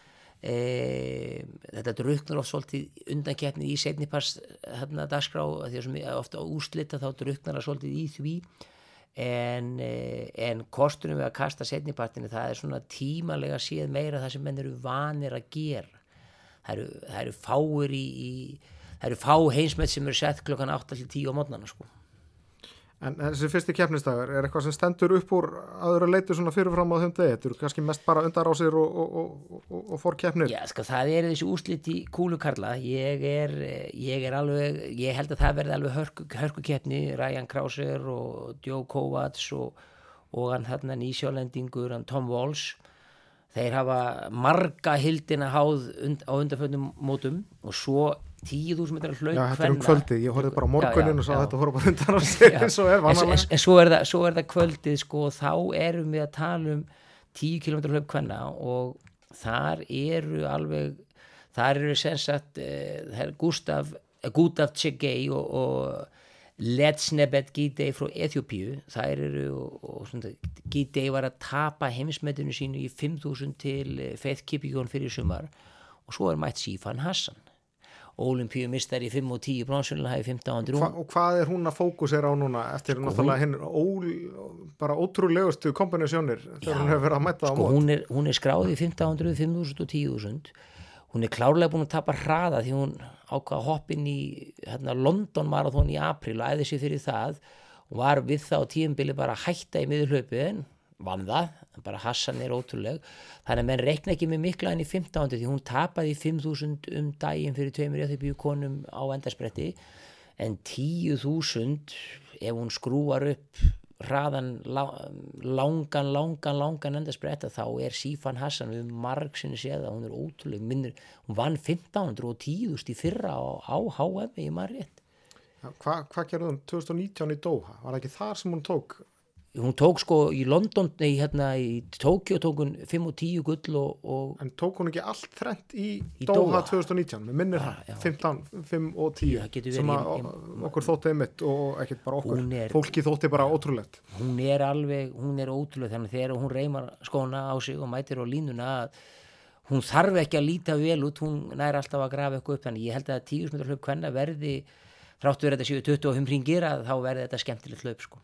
Að Fyrsti dagur hann er bara strax svo skemmtilegur að vera með þetta, vonandi eitthvað sentimetra stríð í kúlunni og svo er þetta sem hefur verið að koma mjög skemmtilega þessi blönduðu bóðhlaup, Já. 400-400 sem er svona svona auka bóðhlaup Já. en samt tveir kallar tvær konur og svo taktikinn, maður hefur verið að Já. sjá, sjá það stundum að, að það hefur verið að prófa að setja eina konu Nei, einn kall snemma allir að ná fórustunni og, og, og síðan er, er það farið þegar, þegar konan kemur ef að Það er svo erfitt að hlaupa keppnuslust er það það er, er erfiðast að hlaupa keppnislaus þannig að ef þú lendir í því að þú setur upp aðra taktík en allir hinnir að þá ertu keppnislaus. Hins vegar ef þú komið langt og undan að þá er engin sem þvælist fyrir þér eða hrindir þið og lendir ekki stimpingum og skiptingum engin hætt á að- eða lítil hætt á að kepli detti og svo eru sumir sem geta hlaupið ótrúlega einir og aðri sem eru bara miklu betri sem sagt uh, í keppni og ég get bara allir mist, við tökum bara dæmi um það, Jón Arnar Magnússon töðrutamaður sem hljóp nú fínir á 46 í 400 og fannst ógeðslegt að hlaupa 400 það var sárt fyrir hann. Og þegar maður var að hlaupa með honum bóðhlaup að ef nonni var á þriðaspretti þá hljóp maður 48 til 49 en ef maður þurfti að taka lokasprettin og vinna hlaupi fyrir klubin eða liðið þá var það 46-47 svo þá komu sko, þegar, þú- hafðir eitt til viðbútir að treysta og þá gastu leiftir að fara aðeins þegar, þegar, þegar, þegar þetta er eitt þegar þetta er lokin þá náttúrulega bara verður og, það- sko, og þetta gera Þorsteinn Ingvarsson langstökkværi hann á gallhlaupi 400 ágætlega það skipti öllum mál að hafa hann á í loka baróttunni, svoleiðis menn hlaupi ekki hrætt einir en í keppni þá eru þeir alveg geggjaðir En hvað, svona, hver, hver heldur að sé besta taktíkin? Kona, kona, kall, kall eða kona, kall, kona, kall eða svona hefðin hefur verið að vera með kall á lokasprettinum að því að þeir þeir eru lí- já, bara líkjámsbyggingin er þannig að, að, að, að það munar næstu í sekundu ég held að ég myndi vilja taka kall, kona, kona, kall kall til að koma svolítið af stað, komast sko hugsanlega svona kannski losna, fá fyrstu skiptinguna í örlitli fórskottu, taka svo tvær konur og eiga svo sérstaklega og ás upp í erminni, einhvern ægilegan keppnis jaksl sko. Hins vegar ef ég væri með gríðarlega öflug á konu sem gæti hlaupið ein, gæti hlaupið hratt ein þá getur líka verið gott að enda á henni. Þetta er áhugavert. Við fyrir bara strax í annan daginn hann á, á, á sunnudaginn uh, já, þá erum við bara komin strax í þennan 100 metra dag hjá köllunum það er svona kannski rúsinan í pilsuendanum á þeim degi en það er fullt af, af, flottu, Já, flottu meira. En það veit engin, sko hundra kalla er algjörlega opið, það verður engin hlaupið rosalega rætt í ár. Menn er að veðja á Fred Curley, jafnvel að segja mögulega Vann körlegi fyrra, var það ekki? Nei, hver vann í fyrra? Það var það ekki Jacobs. Nei, ekki fyrra. Ekki fyrra Vann á olimpíuleikunum hann vann örgulega EM líka var hann ekki, hann er ekki, ekki með núna. Ég fer nú hérna og leita að eh, ef við leitum að við vorum í Oregon í fyrra. Mér stendur þess að Fred Curley hefði unnið það. Hann gæti hafa unnið það þegar þú myndir örgulega muna það betur en ég en hérna eru úrslitin í 100 karla Þetta var svo auðvelt, þetta var bara bolt vann alltaf og það þurfti ekki að leggja þetta á minni sko. í fyrra var það Fred Curley, Marvin Bracey og Trayvon Bromell. Já, þetta var bandarískur. bandarík sigur og menn eru svolítið að, að veðja á, á Curley en svo eru þarna svo eru þarna kappar eins og uh, já, Sim Bean frá Suður Afríku ungi strákurinn frá Botswana Tebogo. Hann var að hlaupa alveg gríðarlega vel en þeir eru náttúrulega eru svona kannski aðeins mistækari og Sarnel Hughes, Európmistar í 200 hann kemur uh, líka til greina og svo náttúrulega eru eins og Christian Cantwell eða, eða, eða Noah Lyle sem hann fyrir í 100 metrana sko, það eru, það eru svona en 100 metrar hlaup Karla er mjög opið, það er En, engin en þú heldur að gullið farið til bandaríkjana sko, þetta er svolítið skondið að á þessu móti þá eru þá er líklegur í 100 Fred Curley og líklegur í 400 Michael Norman, báði bandarækjumenn og þetta eru tveir að þremur mönnum í sögunni sem að farið undir 10 í 100 eh, 20 í 200 og eh, hvað 44 í 300 eða hvað það er sko. Þannig að það er sko, þeir eru báður á þessu, þessu móti þannig að Fjölhæfi menn? Fjölaði menn og meina þegar Fred Curley sem ég þekkti sem 400 hlaupara var mættur í 100 og ég er svona já, svipa kannski eins og með sér ykkur Jackson en, en, en, en þarna bara, já hann stóð sér mjög vel og er heimsmestari þannig að, þannig að það er mjög opið 100 kalla ég myndi aldrei þóra að spá fyrir um sigurvera Blessaði verður, svo kemur lýsingin. Ég spái því að já, nummer eitt en- já, Ég en- get- en lofa er- því að það komið frá þér. Já, það, það kemur frá mér, þá er ég búin að sjá það í undirlustum þá er ég búin að sjá það og þá bara og, undar með já, mókunum já, það, það, það skiptir svo miklu máli að sjá hvernig menn eru sko. En hvernig uh, þennan annar kefnistag eru með langstu kvenna líka sérðu fyrir þér mikla spennuð þar Já, það er, það er aldrei opið líka. Það eru fjóra búin að stökkva yfir, yfir sjö metra í ár og svo eru aðrar fjórar búin að fara sko 690 og heimsmet starinn hérna frá uh, Þískalandi, alveg stólum hvað hann heiti núna, hvort hún heiti Mihambo eða, eða, eða hvað, hún er ekki með, hún, hún meiti sig. En þær eru þarna, Jasmine Moore búin að stökka vel lánstöki þrjustöki frá þarna í bandaríkjónum og, önnu- og Woodall á bandaríkjónum líka, að Smith frá Jamaica búin að stökka lengst og svo er þarna dóttir Fíunum May, Larissa Lapicino frá Ítalíu, hún er búin að vera vaksandi í sumar og komin upp undir sjömetra. Okay. Þannig að- Þetta er verið Það er, það, samt líka. það er opið mjög opið lánstökvenna. Svo erum við sleggju kalla. Já, Var gaman að sjá Hilmar í úslitum. það væri gaman sem Hilmar í úrslutum þar og þar eru nú samt pólverarnir eh, líklegastir hérna Novitski eða hvað hann heitir, Novitski frá, frá Pólandi. Já. Svo klára sjöþröðin hjá konunum og það er ef að... Það er galopið því að, því að vinkon okkar Er Nafi- Nafi er ekki, með? hún er ekki með, hún er meitt og þá er Johnson Thompson í lagi. Johnson Thompson er í lægi en hún er samt ekki búin að standa sig ekki búin að bestum árangri 30 ár það er hún Anna Hall, Anna Hall frá bandaríkunum sem er efst á listanum en það verður hún Katrin Johnson Thompson og Svo svo, hollenska, hvað heitir hún? Hérna? að nú vett Já, þetta er og svo er Núr Vits sem Já, var einu svona í hérna Evrópið Hún er hollensk líka, er ekki? Nei, hún er belgisk Hún er belgísk, já, já. Já, og hún, hún geti blanda sér í baráttuna það verður mjög skemmtilegt já. Svo er 10.000 kalla. Já, og það eru verður baráttu milli Ugandamann og Eþipjumanna og ég myndi nú ekki alveg treysta mig til að, að, að kannski ekki giska á hver en það verða tveir Ugandamenn, tveir hérna Eþipjumenn sem munum þar berjast um sigurinn, kannski mun einhver kennjum að blanda sér í baráttuna, ég veit það ekki Svo var þetta nú bara þægilegt svona á mánudegi og, og, og þriðjudegi, hérna 21. og 22. því að þá eru þá er engin morgun hluti, heldur bara síðdeis hluti og, og, og hérna á, á mánudeginum 21. ágúst að þá fáum við þrýstök kalla úslit og það er Picardo, það vinnur hann engin ok, afgreitt. Uh, kringlukast kalla, það sem við varum rosa mikið til í það að Guðni var í úslitum og, og það get alveg gæst sjáum til. Uh, Stól er ekki lengur kongurinn en hann er samt búin að kasta vel í ár. Já, já, hann er heldur búin að kasta langst lengst. Tje er búin að kasta lengst. Það eru alltaf þeir tveir. Alekna, svonur Virgilius Alekna Mikolas Alekna, hann er hann með í baratunni En hv- byrju, hver vann á EM í fyrra? Var það ekki Það var ekki Tje, það var það ekki, var það ekki Alekna? Þú var það ekki Ég bara held að það verið Alekna. Svo eru Weishætingar og svo náttúrulega Samoa maðurinn Axel Já. Rose. Þessir fimm eru búin að fara held í 70 Axel Rose? Axel Rose Alex fyrir ekki, Alex Rose, sorry, sorry. Ég hann að, já, ég er á til mikill Guns N' Roses maður. Nei, ég segi það ekki, en, en sem sagt, eh, kona mér segir ég sé lesblindur og erlend nöfn, ég segi það eins og ég held, sko, ég held að, sko, ég held ég lesi ekki íslensk orð, ég held ég lesi bara fyrst og stíðust stafin rannir mér á þau, svo þegar ég ger þetta, þetta er bara eins og meðan uh, Kenenisa Bekele, í mörg ár sagði ég alltaf Kenisía Bekele og endan sagði Gunnildur við mig, Bjössi, hann heitir ekki veist, og ég, hérna les ég bara, ég sé bara, ég les Axel en ekki Alex. Er, Ertu þess að segja okkur að þú getur verið svolítið fljótfær?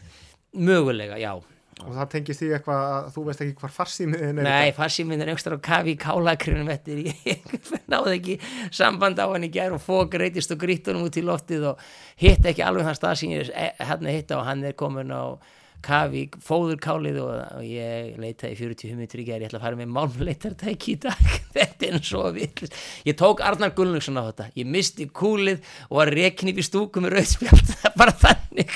Og fyrir vikina er engin nýði farsíma næstu dagana. Já. sem er kannski ágætt þá getur alltaf áfram að undirbúða þig fyrir í, HM í frjálsum. En hvað, við erum á mánudeginum uh, þriða keppnistegi 21. ágúst. Uh, 110 grindkalla er þar og svo er, er loka greinin 100 kvenna.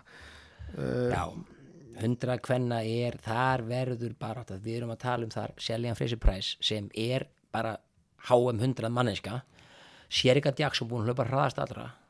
Mjög góð. Líka frá já, og er heimsbyrstari í 200 Mary Hose Talú fílabastundinni Mhm. er búin að hlaupa er besta ár hendur, orðin 34 svo erum við Shakari Richardson sem alltaf fekk ekki keppa í fyrra út af Mario Anna reykingum eða einhvern svoleiði sko, hún er mætt í mixið líka. Já.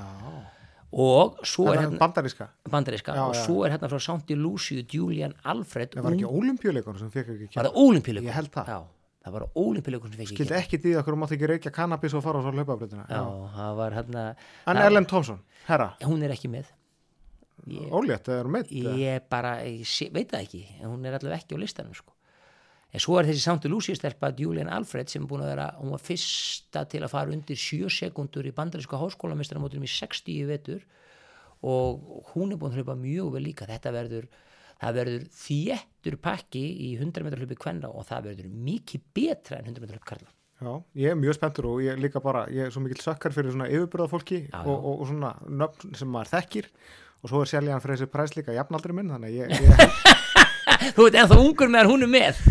Ég bara held, held alveg klárlega með henni og, og, og spenntur líka að sjá hvaða hárgreðslu hún mætir með og hvort hún skipti jafnvel milli, ná að skipta milli undarása og, og síðan fyrir kvöldhlutan sko. Að hún er, einhvern tímann voru við Kristjana búin að finna það, hún mætti ofta á þessi mót með uh, svona sinn eigin sína eigin hárgreðslu Já, hún, hún er það sko, hún er bara Þannig að flestir eru með nuttara eða sálfræðing eða bæðið og sjálfsög alltaf sjúkraþjálfur og svona þá er hún að mæta með, með hárgræslukonu sko. Já, þetta er líka sko 100 metrarnir eru svona töffaragrein einu sinni voru þetta neglutnar Já. og er það kannski ennþá og nú er þetta bara að mæta með, með hárið sko, allavega hjá, hjá Seljan þegar þú ert í svona töffaragrein að þá þarftu að vera töffari og þá þarf þér að líða vel. Og ef þér líður vel með hárið svona þá getur það jafnvel gert meira fyrir því heldur en að einhver sálfræðingur sko. það er bara, þú þarft að, þú þarft að trúa og, semst, og þetta þarf bara að vera svona. Þetta er, þetta er eins í kúlu karla og svona. Þetta þýðir ekkert í langklöfum því þú getur verið ægilega peppaðir en á fjórða ringi eða þriðja ringi 1500 þá líður bara illa það er alveg sko, ég get, ég get peppað upp og hlaupir í gegnum vegg en eins og þegar að líða hlaupið en í hundrað kúlu einhverju svona alveg svona, það sem er bara átök í stuttan tíma þá bara skiptir máli að vera rétt stemdur og ef það er hári sem gerir rétt stemdan þá myndi ég splæsi hárgurslukonu 110 greint kalla klára það bara að við hörum í, í, í þriði daginn 2000 annan. Já, þar verður hörkukeppni, þar eru tveir eh, bara mjög jafnir það best ég eh, veit og annar þeirra er nú held ég að þá að hann, hann, hann, Grant Holloway, ég held að hann sé að fara þá í þriðja sigurinn í röð bandaríkjamaður. En svo erum við með eh, Rashid Broadbell frá Jamaica tiltölulega nýjan gaur sem búin að hlaupa mjög hratt. Og Tins frá bandaríkjum en ég myndi veðja á, á Holloway sko. En það þýðir líka það að, að e, þá eru bandaríkjumenn í 110 grind kalla búin að vinna ég menn í hvað, þrjá fjóruð eða hvað af, af heimsbjörnstara titlunum sem eru búin frá upphafi sko. Það er ekkert fyrirpartin 2000 annan sem er kannski ágætt fyrir þeir, ekki kennsla hafinn þá hefur Já, svona undirbúnistagar, ég, ég set ekki skóla fyrir 2007 Þetta er, við erum sveitaskóli, við erum sveitamenn. Lúksus við þeir, en, en, en það er setni part sesjón að sjálfsögðu, sesjón svo ég held að fram að tala ennsku uh, og þar er fyrsta úslitagrein hástökk kalla og, þegar ég segja hástökk kalla þá fyrir einhvern veginn alltaf að hugsa um Ivan Uko já, Ívan Úko sem kefti fullur ekkert um hann en, en náttúrulega það er engin rússar. Sebastian Kó er alveg grjótarður af því að þó svo flestar, flestar flest önnur sambönd sé að hleypa rússum inn sem svona neutral keppindum ef að þau geta sanna það að þau stiði ekki við hennar stríðsrækstu Pútins að þá fá, hafa þeir fengið að vera með. En, en Kó hefur alltaf verið grjótarður í, í þessu eins og reyndar með, með hérna, kynjaprófin eða, eða hormónana sem manni á annað að, að það bara hann er bara, hún er ekki haggað. Hann er ekki, ekki umburðulindum maður, skulum segja það. er, ég veit ekki hvað er rétt í þessu. Þetta er náttúrulega fullt af rúsum sem ekki stiðu stríðsesku Pútins og örglega rússar sem ekki eru að hafa rámt við með lífagjöfum. Og samanskap eru örglega einhverjir á okkar vinaþjóðum sem fá að keppa sem eru að hafa rámt við einhverjir írutum með þar og svo framvegis. En í varandi hástökið að, að, að þar ætla ég bara að veðja okkar mann Barsím já, já, kattar mannin Katar mannin, Tamberi gæti staðið sér vel og svo vitum við aldrei hvað Tamberi sem að vann gullið með hérna Barsím Basíma og olimpíuleikunum Það er hins vegar úslið sem þú munt ekki gleyma þú varst að tala um að þú myndir aðalega Tokyo 91 og, Já, og, já, og nei, ég- Barcelona na- 92 en þú munt ekki gleyma hverjir unnu hástökkið í, í Nei, nei, Tokyo ekki frekar en ég man, 21 þar að ég man líka alveg hver vann hástökkið í aðinu 2004 þegar Tíja Hellebót tók Blönkul Vatsits Var það það sem þú sopnaðir hérna fram á borðið? Nei, ekki alveg en þetta var, nei, það var í, fyrir ekki, það var í, ekki, það var í, það var í Peking 2008 Já. þá sem sagt er hún Blanka Vlasic, alveg örug besti hástökkar í heimi og Hellebát fer 2.05 í fyrstu umferð. Búin að fella miklu oftar og Blanka Vlasic í annar umferð og hún vinnur olimpíu gullið á færri tilurunum á sigur hæðinni þráttur að Vlasic hafi, þetta var fyrsta falli hjá Vlasic alla keppnina, það var örgleit mest svekkjandi svekkjandi tap sem ég vorði vitnaf en sem sagt, svo meðum ekki gleyma Juwan Harrison, hérna hástökkvara, langstökkvara frá Bandaríkjum, Já, hann er svona stemmari, búin að fara 2.35 Barsin búin að fara 2.36 eh, Tamperi 2.34 þannig að þetta er svona sko, ef hann kemst í stuð svo getur hann bara að fara í 2.23 skilur þetta er svona, hann er svona stemmingsmaður. Kringla Kvenna, úslit í henni líka þarna er Valeri Álmann frá er hún er það yfirbúra kona? á, þrjum metrur lengra en næsta, hún bara, hún vinnur. Ok, þá er það bara aðgreitt, flott, virkilega flott íþróttakona. já, Hún er frá Bandaríkjónum, uh, síðan er 1500, kall- nei, Kvenna líka úslit þarna 21. það rætti Faith Kipikun að taka þér. Fer Hassan í úslit ef að ef hún tekur þátt í þessu? Já, hún Er hún alltaf- að batla á mikið af því þetta er svo snemma? sko, ég bara trúði ekki hún ætli í öll hlaupin sko, en, en ef hún hleypur þá fer hún í úslit og svo munu auðvitað þau konur Hælum, Hælmon og Mes Hessa gera allögu og Lora Múir er alltaf öflug en, en ég held að Kipikon hún er búin að fara undir 350 það er, það er vinnan ekki 3000 hindrun kalla er loka greinin. Já, og þar er getur orðið skemmtileg grein því að þar erum við komið með Eþjópíumann uh, sem var að setja heimsmet og hann heitir, skal ég segja þér, uh, Girma. Við erum líka með El Bakali sem er að í margætt ríkjandi heimsmestari frá Marokko og það verður hörku kettni milli þeirra og svo er Valei frá Eþjópíu og Kóets frá Kenju, það eru þarna svona, en þetta, þetta getur orðið mjög skemmtileg grein. Vindum okkur í 5. keppnistag, miðugudaginn 23. ágúst. Þá eru aftur komin með, með hérna, fyrir hluta uh, sem sagt, kefti morguninn. Er ég ekki að lýsa þá? Jú, jú, Hvar- þú tekur, ég er þá, þá er ég á starfstugum, ég er reyna að gera sinna vinnunni sem, svona, þessari vinnu sem ég er ráðin í svona dagstælega, það er, ég, það, þú þarfst að taka morgunsessinu Já, þessari viku. en það er engin úslit, þannig ég bara svona er að hitta upp fyrir þig, fyrir, fyrir kvöldið og, eða setnipartin og, og þá erum úsliti í stangarstakki kvenna. Já, þar er líklegust uh, hún Katie Moon frá Bandaríkjunum. Hún er held ég, ég held ég myndi bara alveg setja mína pening á hana þegar muni berja stuðina McCartney og Murto og Kennedy, McCartney frá Nýja Sjálflandi, Murto frá Finnlandi og Kennedy frá Ástralíu og svo er hún önnur bandarískanna sem er stórmótamanniska akkur er man ekki hvað hann heitir akkur í augnablikinu, Sandi Morris. Jú? Jú, að, e, hérna, Ljósar. Já, ljósar, Já, já, það passar já. alveg og e, þannig að það er möguleiki en ég held að Katie Moon muni vinna þetta. Hvað erum við meira þarna? Það er 1500 kalla. Já, það Inge Bryggtsen. Já, Það- já, við- verðum, við verðum, að, tre, við verðum að treysta á hann e, en Katýr og Tjerjút, þeir hafa verið að berjast við hann spánverinn Katýr og Tjerjút og minn er hlaupi verður hratt. Bryggtsen við ekki líka bara svolítið með þessu skandinu? Jú, við gerum það. Þetta er bara eins og, eins og maður eins og Íslandingar elska að hatta Dani að, að, standa þær alltaf með dönum Þeir geta hvort þeir ekki í frjálsum. Þetta Nei, er það bara nei. normenninir í Ingi. Brytsen og Va- Varholm og, og, og síðan svíjarnir í... Þetta er- eins með svíjana sko, þú veist að svíjar það talaði um sænska rókan og svíjagríluna í, í hérna handbóltanum en svo þegar svíjar eru komnir sko í áttalið úrsluta háum hvenna í fótbolta þá maður bara, já, já og, og, og, og svo eins skilur í móti spánverunum, ég er bara stend með svíjónum alla leið sko Ætla sé ekki allur gangur á þessu samt í fólk. Jó, 400 kvenna er hérna líka um kvöldið 2003. það er ráhugavert því að Sjóna Miller er að koma hún er, Úbó. Úbó, hún ætlar að koma semst að hún eignaði spann í apríl eða eitthvað, apríl eða mæ, apríl held ég hún ætlar að keppa Fjóra, fjórum, fjórum eða fimm mánuðum eftir barsbyrðin sjá hvernig formi hún gerst í Pólínu frá Dóminíska líðveldinu eh, semst að er líklegust af því að Sidney McLaughlin heimsmet hafi Já, í fjögugrind hún ætlaði ekki að keppi fjögugrind heldur keppi í 400 og búin að hlaupa hraðast hvenna í 400 í ár en er meitt á hnið keppir ekki. Ára þannig að það opnast þér í Pólínu og svo veit maður ekki hvað Miller gerir eða Miller Rubio og svo er að koma Það er til leðilegt að sjá samtæki McLaughlin Ja, í þessari grein. alveg skelulegt og svo er að koma Sittur heimsmet þarna í 400 grindi í Tókjó og var það ekki? jú, jú, hún gerir það og, og setti Á svo. Já, trampolínbröðinni. og setti svo aftur heimsmynd í, und, í undankettni fyrir heimsmyndaramóti í fyrra og setti svo heimsmynd og heimsmyndaramótin í fyrra í, í, í, í orgun þannig að hún er búin að setja þrjú heimsmynd núna á sagt, það er olimpíuleikar, bandæsku úrstökumótið og svo heimsmyndaramót en svo er hann að koma bara einstelpa Salva Eid Nasser sem var alveg briljant komin undir 48 sekundur 2019 Salva einn að sér afsakaði fordómana bara því að þetta bara einu búið að kaupa svo margar frá Jamaica og öðrum, öðrum þjóðum. En þetta hljómar bara Já, já. frekar bara einn snabbt þetta hljómar mjög bareinst en hún fjall á lífaprófi Nú, þannig að hún satt úti í tvö ár og er að koma tilbaka er að hlaupa talsvert hægar heldur hún gerði 2019 en maður veit ekki sko hún gæti, þetta er mannski sem hefur hlaupið undir 48 og er að hlaupa núna 49,6 eitthvað svo leiðis þannig ég myndi ekki afskrifa hana og svo er lokagreinin hérna 2003 400 grind kvenna.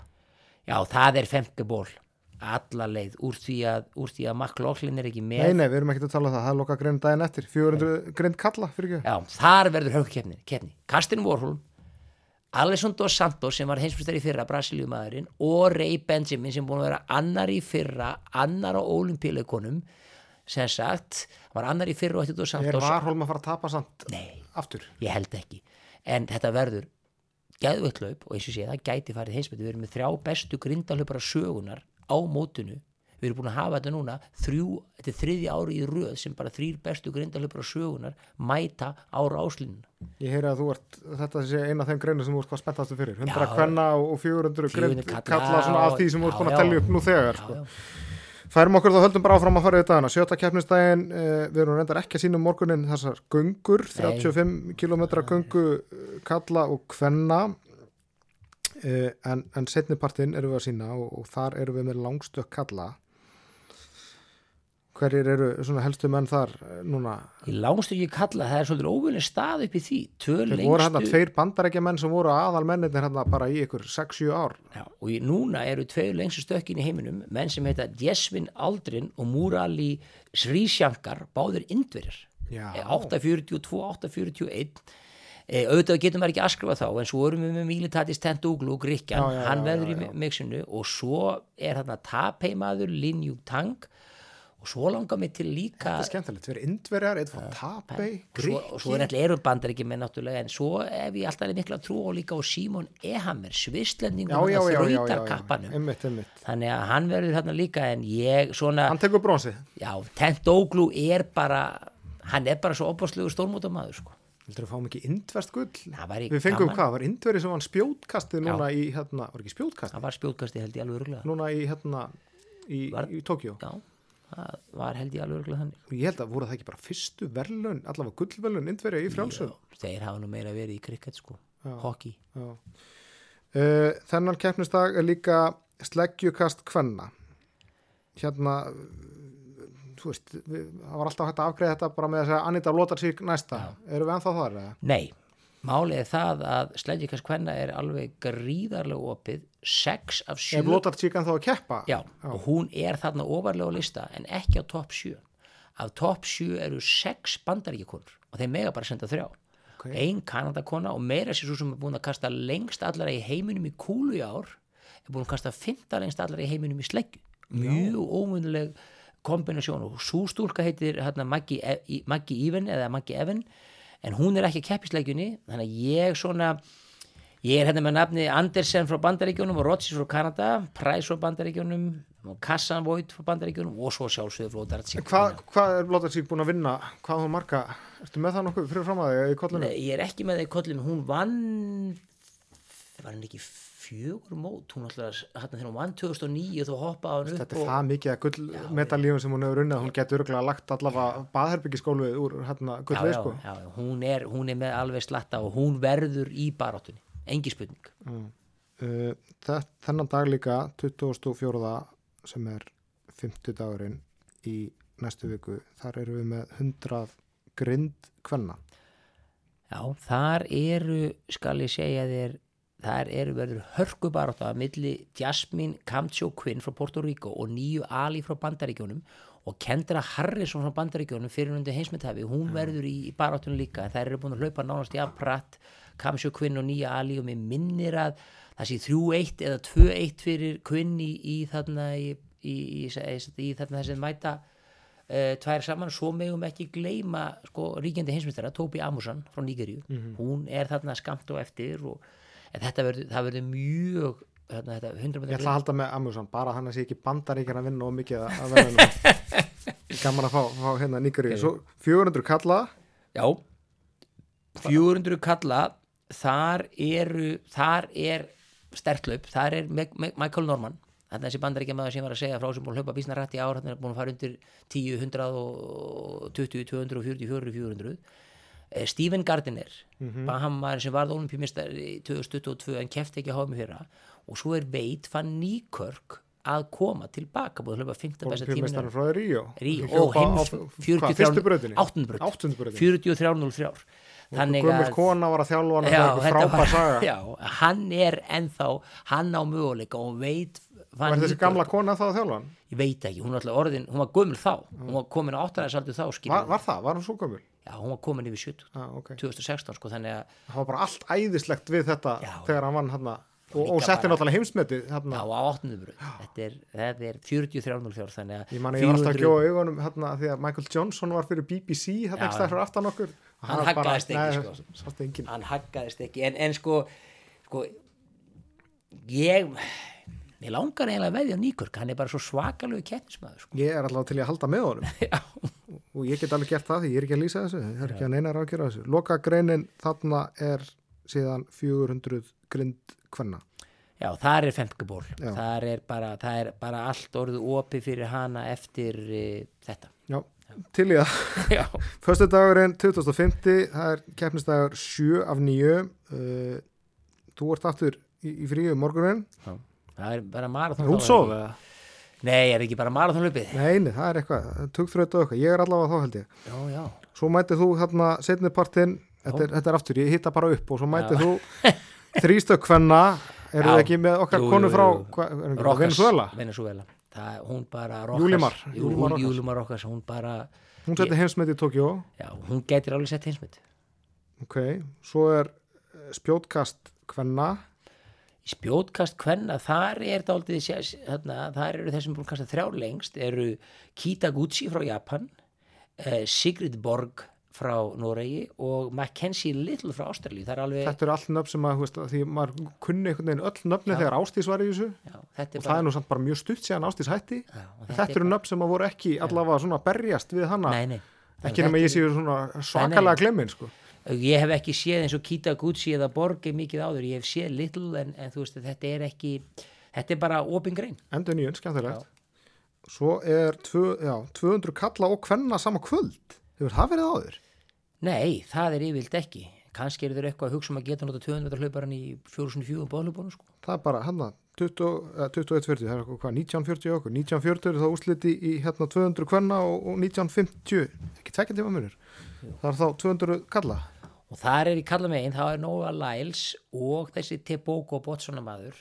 Það munað 300 á þeim 21, 40, 1947 og 1950 en Lyles er bara með allt með sér sko. Þannig ég held að hann vinni þetta og Erri og Næton, ungi bandarækjamaður, orðið 1920, hann verður einni í baráttunni.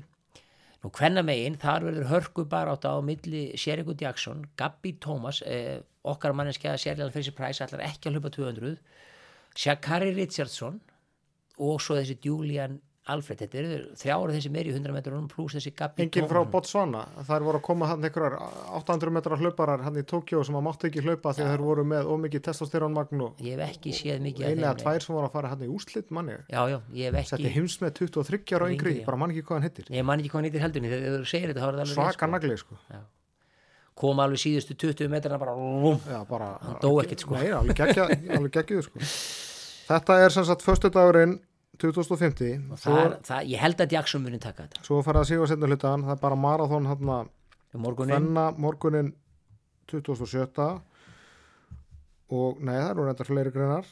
Það eru hérna uh, byrjar, byrjar tugþrötin já, um morgunin já, og svo er um kvöldið eða setni partinn þá er stöngkalla og þar hljótu við bara að að- bara geta séð besta falli heimsmet Já. frá Mondo Duplantis. Og hann er bara, hann tapaði reyndar í sumar mjög óvænt, fyrsta tapið hann síðan 2019, tapaði fyrir John Obiena frá Philipsheim Já, E- e- stö- Philipsheim. Já, en hann stökk bara 5.72 Obiena er búin að fara reyndar yfir 6 metra en ég hef enga trú á því að Duplantis tapi á, á þessu múti bara enga sko.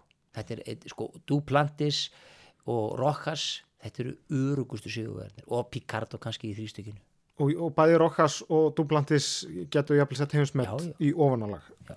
svo erum við með þennan næstíðasta dag, þennan lögardag þá erum við með kúlu kvenna já, við náttúrulega uh, skulum meila bara uh, taka hana Ernu Sólegu því að hún er að, að kemur hérna komaði tveimur hollum Íslendingarnir. Guðni og Hilmar keppa núna um helgina svo fara þeir bara heim og Erna kemur helgina á eftir þannig að hún er í rauninni bara allt öðru móti líka við heldur en er hinn er og þetta er líka svolítið leiðilegt með HM og EM við við olimpíuleika sko. olimpíuleikum þá ertu bara í þorpinu og ert sem sagt, þú fer ekkit heim þó á móti sér búið nefnir þið bara langi heim. En Pétur, þjálfarinn hennar Ernu verður allan tíman að því að hann er líka með Guðuna þannig að hann verður allavega búin að undirbúa jarðið en hann eitthvað á staðnum, ekki það að skiptir náttúrulega engum máli hva, hvar þú ert að keppa, þetta er alltaf sami, sami ringurinn og sami gerin eða þannig séð en, en ef við bara horfum á, á möguleikana hjá Ernu, þetta er annað stórmótið hennar núna í röð Já. hún rétt kemst inn á þetta mót en hún veginn er búin að hafa trú á því allan tíman að hún myndi komast inn á mótið sem að náttúrulega segja sitt um bæði hæfileikan hennar og, og líka þá svolítið kannski um, um, um hausun á henni að, að hún sé bara búin að undirbúa sig og hún sé að fara á þetta mót. Ég held það já, ég, þetta, þetta er fyrsta HM hjá henni ekki sett og ég held að það verði svona kemstinn á mótið, í- sko ég hún þarf að hitta vel á það og vera bísna heppin til að komast í úrslit. Ég held það að við, sko, Erna er bara farin á fyrsta HM, það er bara frábúin að sé þar, hún þarf bara að hafa hún bara eiga gott mót, kasta vel jafnvel setja íslensmet og það mun samt sem þá kannski ekki dugi úrslit, það væri bara frábært frá henni, svo olimpíukur læsta ári, heimsumstöndunum 2025 þá viljum við sjá hana sterkari komin ein, einu metra lengra kannski eða 75 cm lengra og þá viljum við fara að fara að sjá hana dettin í úslitum við þurfum, þetta þarf að vera þróun og, og, og, og sérstaklega í köstunum. Langlífið er svo mikið í köstunum. Þau geta, þau geta verið svo lengi að sko að erna er bara rétt að byrja Ég rætti þess við Ernu í vikunum, var endar þræl kvefu þá og var nýbúin að skila að, loka réttgerði í, í bandarækjunum og örgulega bara verið í spennufalli og ónæmiskerfi hrunnið en, en, en hérna, ég rætti þess við Ernu, skulum aðeins heyra í henni aður en að lengra er haldið. Já, ég hef búin að vera mjög lengi á mörkunum í kringum þetta 37. sæti og þannig að ég vissi samt að ef ég myndi halda áfram því sem ég hef búin að gera að það væri alveg og já, ég bara, það var stóra markmið fyrir, fyrir tímabili var að að komast inn á þetta mót og ég er bara ánað að hafa bara réttnað inn, sko.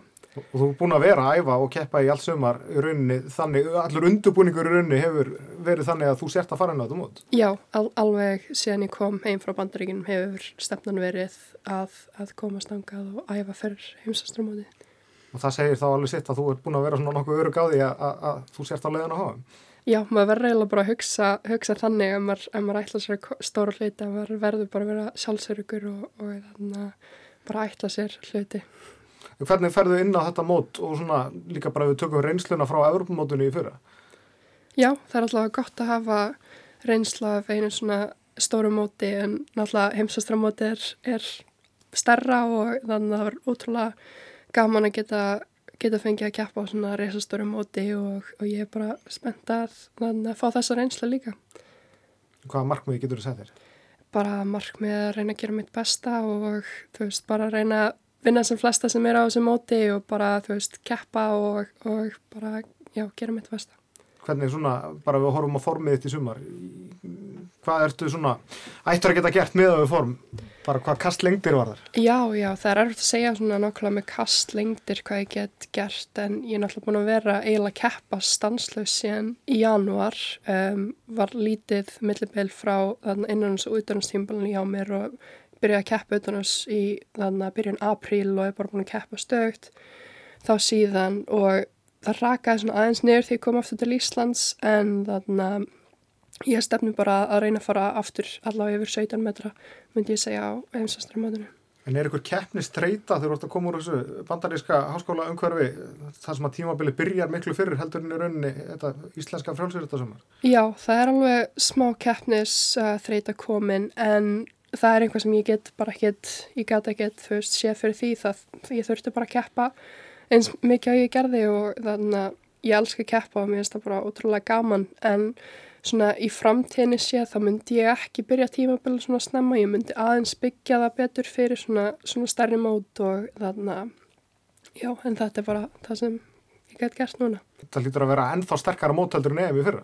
Já, ég myndi segja það allavega þær allra bestu heiminum eru mjög margar frá, frá bandareikunum og sen eru alveg mjög margar líka frá Kína sem eru að koma inn. Já, sterkar, um, sumar sem hafa ekki kæft mikið en maður veit aldrei hvað að gera. Gera alltaf rosa stóra hluti á stórmóndum þannig að það verður mjög áhugavert að sjá bara það getur allt gæst á, á svona stórmóndi Lítur það bara sem luxus að vera að fara að bera þig saman við, við þessa stelpur núna frekar heldur en bara svona einhverja pressu.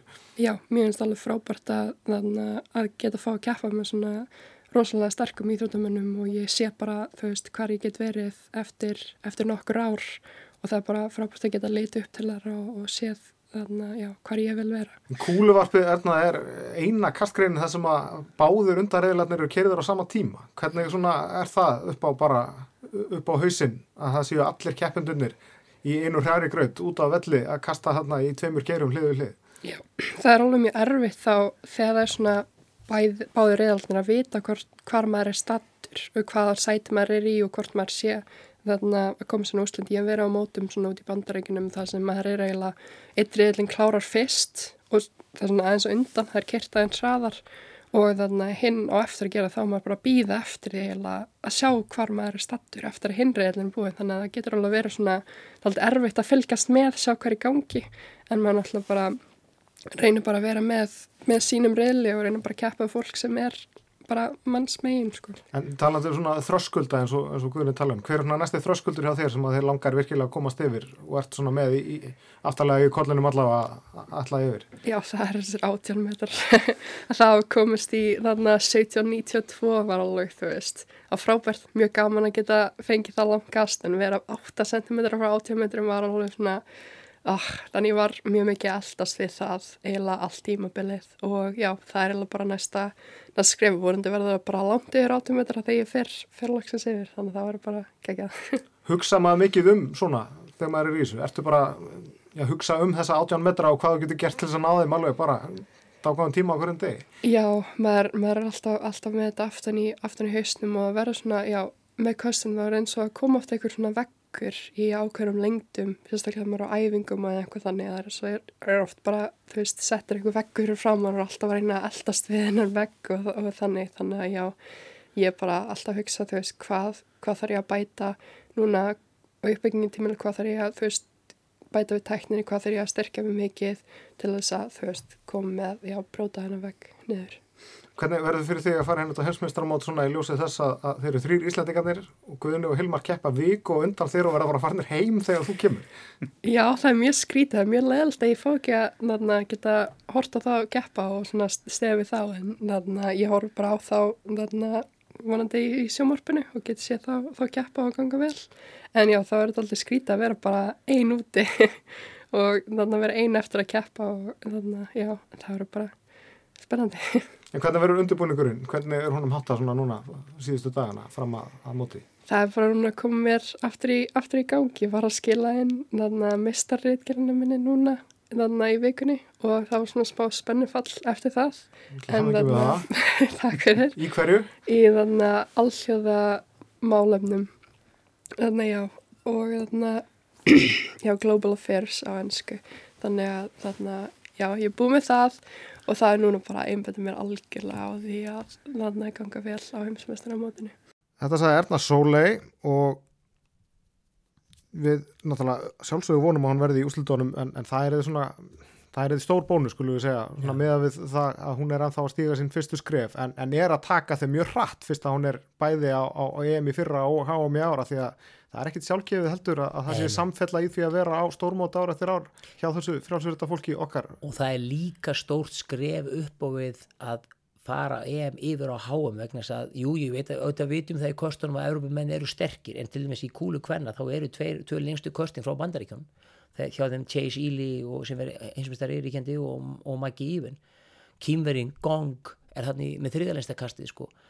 Og svo er náttúrulega Dongmo frá Portugal hún er einhverstaðar sjötta, sjöunda á listanum en hún er bara svo svakaleg á þessum mótum alltaf að, að þarna, þannig að þetta er það er talsvert erfiðara að komast inn á háum í kúlu heldur en EM í kúlu. Þannig að hún er klárlega að taka skref upp á við og, og svo verður EM og olimpíuleikar á næsta ári þannig að ég, sé, ég held að við eigum, við eigum bara semst, við eigum eftir að sjá miklu meira miklu meira verðinu sko. og það er rosa gaman að sjá nú er kannski komið svolítið fram með mér en, það getur verið gaman að segja ef Erna Sóley og bróðurinnar Þorsteinn Leo er bæði á olimpíuleikum á næsta ári og handbóltinn kemist inn og Þorsteinn Leo er valin í landslið Já, það var í allavega það er var- ákveðin saga. Já, er, það, er það ekki fyrsta skipti á Íslandi sem sískinni var að sömu olimpíuleikum Jú, á gagstæði kynni, ég held það alveg örgla þeir voru náttúrulega Já, já, Klásen já. 48 sko. Já. og svo hafa eða býtunum við, hvernig, hvernar fóru Bryndís og Magnús að Bryndís og Magnús voru Már, þau gæti geta farið á- hafa verið á sömu leikum? Já, þau gætu Sundi. Já, já, svona, bönnin svona, hennar hann Hrafnhildar? Já, og, og, það- og, Guðmund, og þetta er svona bara svíkur Þau allavega fóru, þau fóru allavega sennilega á sömu olimpíuleikana ég, Já. bara, ég er með þetta hérna í einhverju skjæli en ég Já, bara já. að tala svona upp úr eftir minni hérna akkurat núna. Uh, Við erum hérna á laugadeginum Sundinum það ekki vorum, erum, En við erum á lögutum í kúlunni. Já, Já. það er 800 metra kalla sömulegis Já, 800 metrar hlaup kalla það er nú eina mínum uppáhaldsgreinum. Hún er, eins og segi nógu löng til að byggja upp spennu. Hún tekur innan við tvær mínútur og, og nógu stutt til þess að, til þess að, að fólk alveg siti við allan tíman og eh, já, þar held ég verði bara átt á milli Vanijóni eh, Vanijóni frá Keniju og svo Eirop frá Kanada stóra eh, Kanadamannsins Marko Eiróp ég uh, held að þeir verið berjast um, um, um gulli í þessu en þetta er samt ansi opið, það eru þarna sko allsýrmenn eða marokkumenn í manni ekki alveg hvort tveir sem eru framalega á listanum og þetta, greinin er mjög jöfn. 5000 kvenna. Já, það verður stórlup 5.000 kvenna það búið að setja heimsmet í því og ég held að 6 af 10 bestu tímu sögunar hafi komið í sumar. Eða annarkvort komið þeir í sumar eða að 6 bestu konur í sögun er að keppa þessu móti. Ég, það er aðeins bara Það eru komið með einn af þessum hápunktum. Þeir, þeir eru nokkuð margir. Og þarna er Kipikon heimsmetafi, þarna er Gidei sem tapaði heimsmetinu sínu til Kipikon í sumar þarna er Tsegei frá Etiopíu mjög öflugur hlaupari líka sérstaklega 10 km hlaupari og Sifan Hassan. Þetta eru bara fjórar svona kannski stæstu nöfnin og svo eru 2-3 minni nöfnana sem hafa hlaupið í 14, 10, 14, 12 sko. Þannig að þetta er þetta verður mjög spennandi hlaup. Tugþröðin klárast þarna líka. Já, þar er þar eru verður hörku keppni og þar eru Hver er aftur orðin heimsmetafi í því? það er Kevin Mayer. Já, hann er, hann er alltaf heimsmetafi en hann var ekki olimpíumestari Nei, var ekki olimpíumistari hérna eh, sem sagt karandamaðurinn Damien Warner. Já, já, já, já, já. þeir verða hérna báðir Kevin Mayer og Damien Warner svo er Leo Neugebauer frá Þýskalandi, hann var bandarískur háskólamistari í vor með 8800 stig, sett í þýst met ef í marrið Nikolas Kál sem var eurumistari utan þessi fyrra. Og svo er hérna tveir norðmenn komnir í 8500 hátt 8600 stig og Alltaf búka norðmenn upp í hennum ólíklegustu Veistu, greinum og, og, og, og samt einhvern veginn í, í verðluna baráttu og þetta, það eru þessi Sander Skottheim og Markus Roth. Skottheim er búin að vera á stórmótunum. Markus Roth þekki hann. ekki en hann var núna á úlingamistara móti í sumar annarkot heimsmistari eða eurumistari 22 ára yngri. Og, og, og Skottheim varð annar þannig að þrautin verður mjög skemmtileg. Líka fyrir sem við vitum það alltaf, þetta eru tíu greinar og þú, þeir getur hlægst á í einni og það er yfirlt alltaf eitt af stórun öfnum ég sá ekki hvort að Ehammer er skráðu til leiks. Ég að vona það Er ekki fljóta ágreitt þessar loka greinar þennan dag fjóru sinum hundra kalla og kvenna er það ekki bara kalla megin kalla á og Jamaica kvenna? ég hefði haldið það Er það ekki nema bara bara missi Þe- þetta ætti að fara þannig já. loka dagurinn er síðan sunnudaginn eftir rúma viku 27. ágúst þú ert með hann, Akkur, ég er að setja skóla klukkan 6 á sunnudegi? já, já, já, Meiri tímasendingin. Og, já bara Ég fer þá í loftið klukkan 6 með, með hástökk kvenna, þú er þá að segja mér hver, hver er Já, sko, má- málið, málið það sko, heimast skóli klukkan 6, þú keirir með krakkana sunnan í skólan og hefur tíma til að fara heim. Fyrir utan, Er þetta svona eins og í bandarísku myndunum og fórhaldarinn koma að búa um rúmin og, og svona? svona nokkurn veginn er margir hverjir, en svo er líka eitt mjög gott í þessu að þú mátt telja skólasetningardag sem skóladag ef að öðru leit er kent sangant stundutöflu og það er klárlega gert í lögaskóla sunnundegi En er, en er ég mikið jam á þessari heimavist? Og er í þessum hlaðarstáttum sem eru búin að vera núna að fljúa vel í sumar sko, þarna heima, vistu? heimavisti, þetta er hóttið skondið að því að svolítið að því að Viktoria Blöndal kom nú hérna og kendi skapandi skrif. Dótturinn, ég hefði fílað að fá dótturinn í skóla hún virkaði mjög skynsum eiginlega bara skynsam er móðurinn og það sem ég var standu upp úr þessum hlaðvastáttum var það. Það er alveg sama við hvernig talar. Það er ógislega gaman á lögum svo kemur í ljós og þetta er búið að stoppa megna þessu rugli sem var í gangi að þessum tíma. Og, og svo stendur líka upp á það er einlega sama hvað, í hvað skóla þú hefði farið á þessum tíma, þú hefði samt verið í, í umabústaða skemmtununum og því öllu saman. Og það sem sló mig eiginlega mest er að Viktoria vildi ekki stel, senda stelpunni í skólan af því að það var svo mikið gaman og djam þegar hún var. Og svo þegar hún talaði á krakkana hér og þeir segja þetta sé ekki svona þá voru svolítið svegt, byrju þau eru að missa öll þessu skemmtilegu sem hún vildi senda kynnt óttu sinni þannig að ég held að okkur, við, við séum að gera það er gaman, en það er ekki samskona gaman og þeirra var í skólan Það er klára sattina Já, síðan hástökk kvenna. Já, þar verður, það er úkrænarska stúlkan Mahúcic sem bara flúði þegar stýrið braust út í Úgrænu frá hérna, heimabænum hérna, sem er nálægt landamæruna sem var bombar alveg í, í spað hérna, fyrstu dögunum og, fór til Serbi og var heimsmestari innan hús Patterson frá Ástralíu Óli Slagers frá Úgrænu, þessar þrjári eru svona helstar svo er fjórða Úgrænu stúlkan líka þessi þriði Úgrænu stúlkan líka og e, svo er náttúrulega hún Tópits, dóttir Dragúin Tópits Angelika Tópits mamma hennar var uh, serbneskur, hún kefti fyrir serba í þrýstöki og pappina var Európumistari í hástöki 91, þannig að 19 ára gammal, þannig að hún er og hún hefur verið vaksandi þannig að þetta er svona, en ég myndi segja Makucic. 5.000 kalla? 5.000 kalla það er uh, Ingebrigtsen í hörku baróttu við Cheptegei frá Uganda og Ari Gavi frá Etiopíu en ég ætla að segja Ingebrigtsen, hann er ríkjandi mistari bara gegja, síðan er það spjótkalla spjótkalla, það er aðeins opið, þar hefur lengst allra kastað e, þjóðvergin, e, nei, en tjekkin sé Jakub Vlacic og stutt og eftir er e, Julian Weber. Og svo er það tjoppara frá Ólympíumeistari. Olympiumeistarinn kemur svo sem ekki mikið óvart samt að skuli vera ykkur tjekki sem að skuli vera góður í spjótkasti þetta er svona svolítið þeirra grein. Tjekki og þjóðveri, en síðan er það tjoppara frá Innlandi, Peters frá Grenada og Valcott frá Trinidad og Tobago, en er hvar er, hvar er hérna YouTube maðurinn? hérna, hérna, Jamaiku? nei, hérna Kenya maður Kenya maðurinn, já. hérna hvað hétt hann áttur? Hvað heitir? Ah, hvað heitir Ég sé hann fyrir mér, ég Já, já, já, hann svolítið, Já, ég man ekki sko, man ekki geggjaður. hver- já, en sko þeir eru þarna, það eru koma nýja þjóður hann sem er gaman. En eins og ég segi, þýskur eða tekniskur sigur kæmi ekkert óvart. 800 kvenna Þar, það Þar- er eina af þeim greinu sem að þekkti líka öll nöfn meðan Anita var upp á sitt besta og en samt sem að sko, þarna getur orðið e, mjög skemmtileg keppni. Að Eithing Mu sem er búin að vera best og er heimsbyrstari hún er bara keft einu sinni í ár á ekki einn á topp tíman, bara bara svona 1.57-58 meðan Keely Hodkinson brettinn er búin að hlaupa úr sér lifur og lungu og búin að hlaupa mjög hratt. Þannig að hvað Mu hefur verið að kefti á bandarísk úrtökumótin í 1500 og eitthvað svo leiðis og svo er Mary Múra frá Kenyu líka. Þannig að þetta getur verið alveg hörgu keppni því að þú afskjöfur ekki manneski svo Mú sem er búin að vera best þó hún sé ekki búin að hlaupa hraðast en Hodkinson er ofbóðslega stöðu og ofbóðslega öflug í að hlaupa hratt. Þetta verður, verður geggjahlaup svo er 3000 metra hindrun kvenna.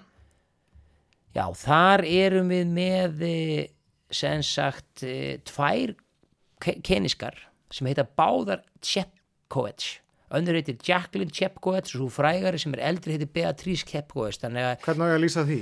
þú bara veðir á Chepkoech vinni ok, en þær eru líklegast svo er Tjerotits frá Kenju líka Almaje frá Ethiopíu og Javi frá Bahrein en ég held að þetta verði geti jafnvel orðið þrefaldur kennisku sigur og ég ætla að veðja á það er allavega svona 67% líkur á Chepkoech vinni Veist, ve- veistu ykkur ég er samt spenntastur að, að lýsa þá í þinni fjárveru þessum síðasta keppnisluta ég er eiginlega spenntastur síðan um kvöldið, löngu eftir að keppni lokið þá mynd þú byrja að senda mig skilabóð eins og þegar ég lísti fyrir því núna HM Já, innan hús allt í þenni einhvern veginn löngu eftir að útsendingun búin og ég var bara eitthvað heima hjá mér að borða kvöldmatt og þá var ég að fá hérna alltaf ykkur skilabóð frá þér á Snapchat eitthvað með einhverjum ábendingum um eitthvað sem að var löngu búið því að þá varst þú að horfa á þetta tímaflagi já, já, já, gæti ekki stilt mig. Þannig ég hlakka eiginlega mest til þess að að fá það. En síðustu tvær keppnisgreinar á þessu móti eru síðan 4400 metra grindalhaup kalla og kvenna. er þetta bandarískar? fjórusun fjögund metra bóðlöp eða ekki Jú, ekki já, bara já. Sko, Akkur, akkur ekki að vera með hann bóð grindalöp? það, það, sko, ég sko, þeir keppa í bandaríkjónum í fjóru sinnum 100 metra, 10 metra grindalöpi karla og kvenna og þá, er bara, þá, þá, þá hafa bæðar þá hefur hver sveit tvær brautir og grindalöpum stilt upp í sitt hvora áttina og þá er þetta bara eins og í bóðsundi, þú eru bara að fylgjast með þegar gaurinn hleypur yfir línu og það máttu neglu úr blokkonum og svo hlaupa með fram og tilbaka, fram og tilbaka og kemur í mark. Þetta er mjög skemmtileg grein að horfa á.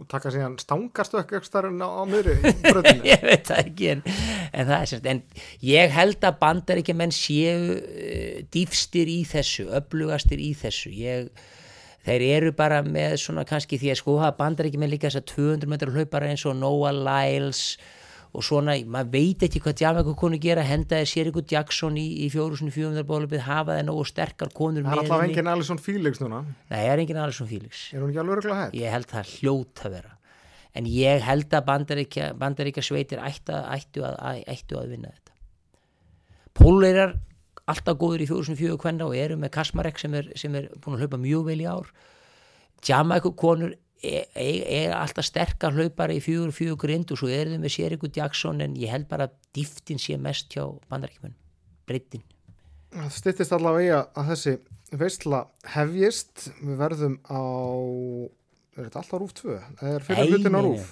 Nei, við erum eitthvað á rúf Það er einhver fyrir hluti á rúf Já, þetta fyrir örgulega helgarnar út af, af batnaefninu, þá erum við vantalega rúf 2 með, með hérna, fyrir hlutana þar. Hann er 10.05 á lögadaginn, hefst hefst útsending á rúf 2 og svo klukkan 5. Þannig að þetta er bara allt saman að bresta á. Þú ert komin í starthólunar, búin að hérna, lesa yfir. að, aðeins búin að lesa yfir þöks í þessu podcasti Og og hver, hver, og hver eru heimsmeistarar Hermanna og, og stúdenta? Voru ekki heimsleika stúdenta í sumar?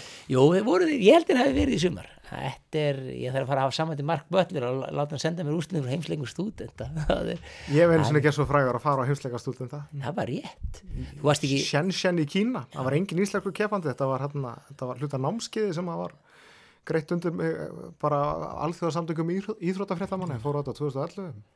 þetta er stórt mót Þetta er ísastórt sko. Og sérstaklega hann í Kína. Þetta var náttúrulega bara kynverðarnir mætti á allt.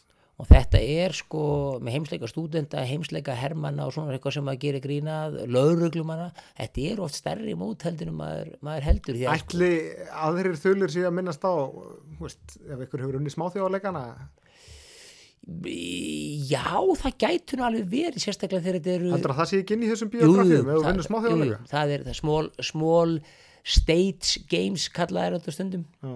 og, uh, og jú, það, það ætti að vera það ætti að vera inni og sérstaklega ef þetta eru sko við skulum segja, tökum dæmi eins og Trajkovic frá Kýpur grindahlauparinn sko, hann náttúrulega verið unnið þetta og, og uh, þannig að það kemur alveg fram sko, þannig að þegar þannig að það er kannski, það er oft skemmtilega að segja að, einhver hefði unnið eitthvað frekar en hann var í sjöunda sæti á Európmistramótunni skilur þá, er- það er svona meira hafa unnið eitthvað, miðjara hafsleika balkanmistramóta því að eins og þessi balkanmistramóti eru svo stór þegar langt út fyrir úkrænumenn keppa á þeim og, og hérna, rúmenar og það er svona fleiri þjóður sem tengjast þessum balkan samtökum sko, þetta væri svipað eins og við fengjum pólverja og þjóðverja og einhverja eða einhverjar minni þjóður eins og hollending og belga en á Norrlandamóta því að þeir bara ákveða til þeirra þessu sambandi og svona sko en, en e, já þetta það er, það er svolítið gaman að segja að menn hafi unnið eitthvað sko.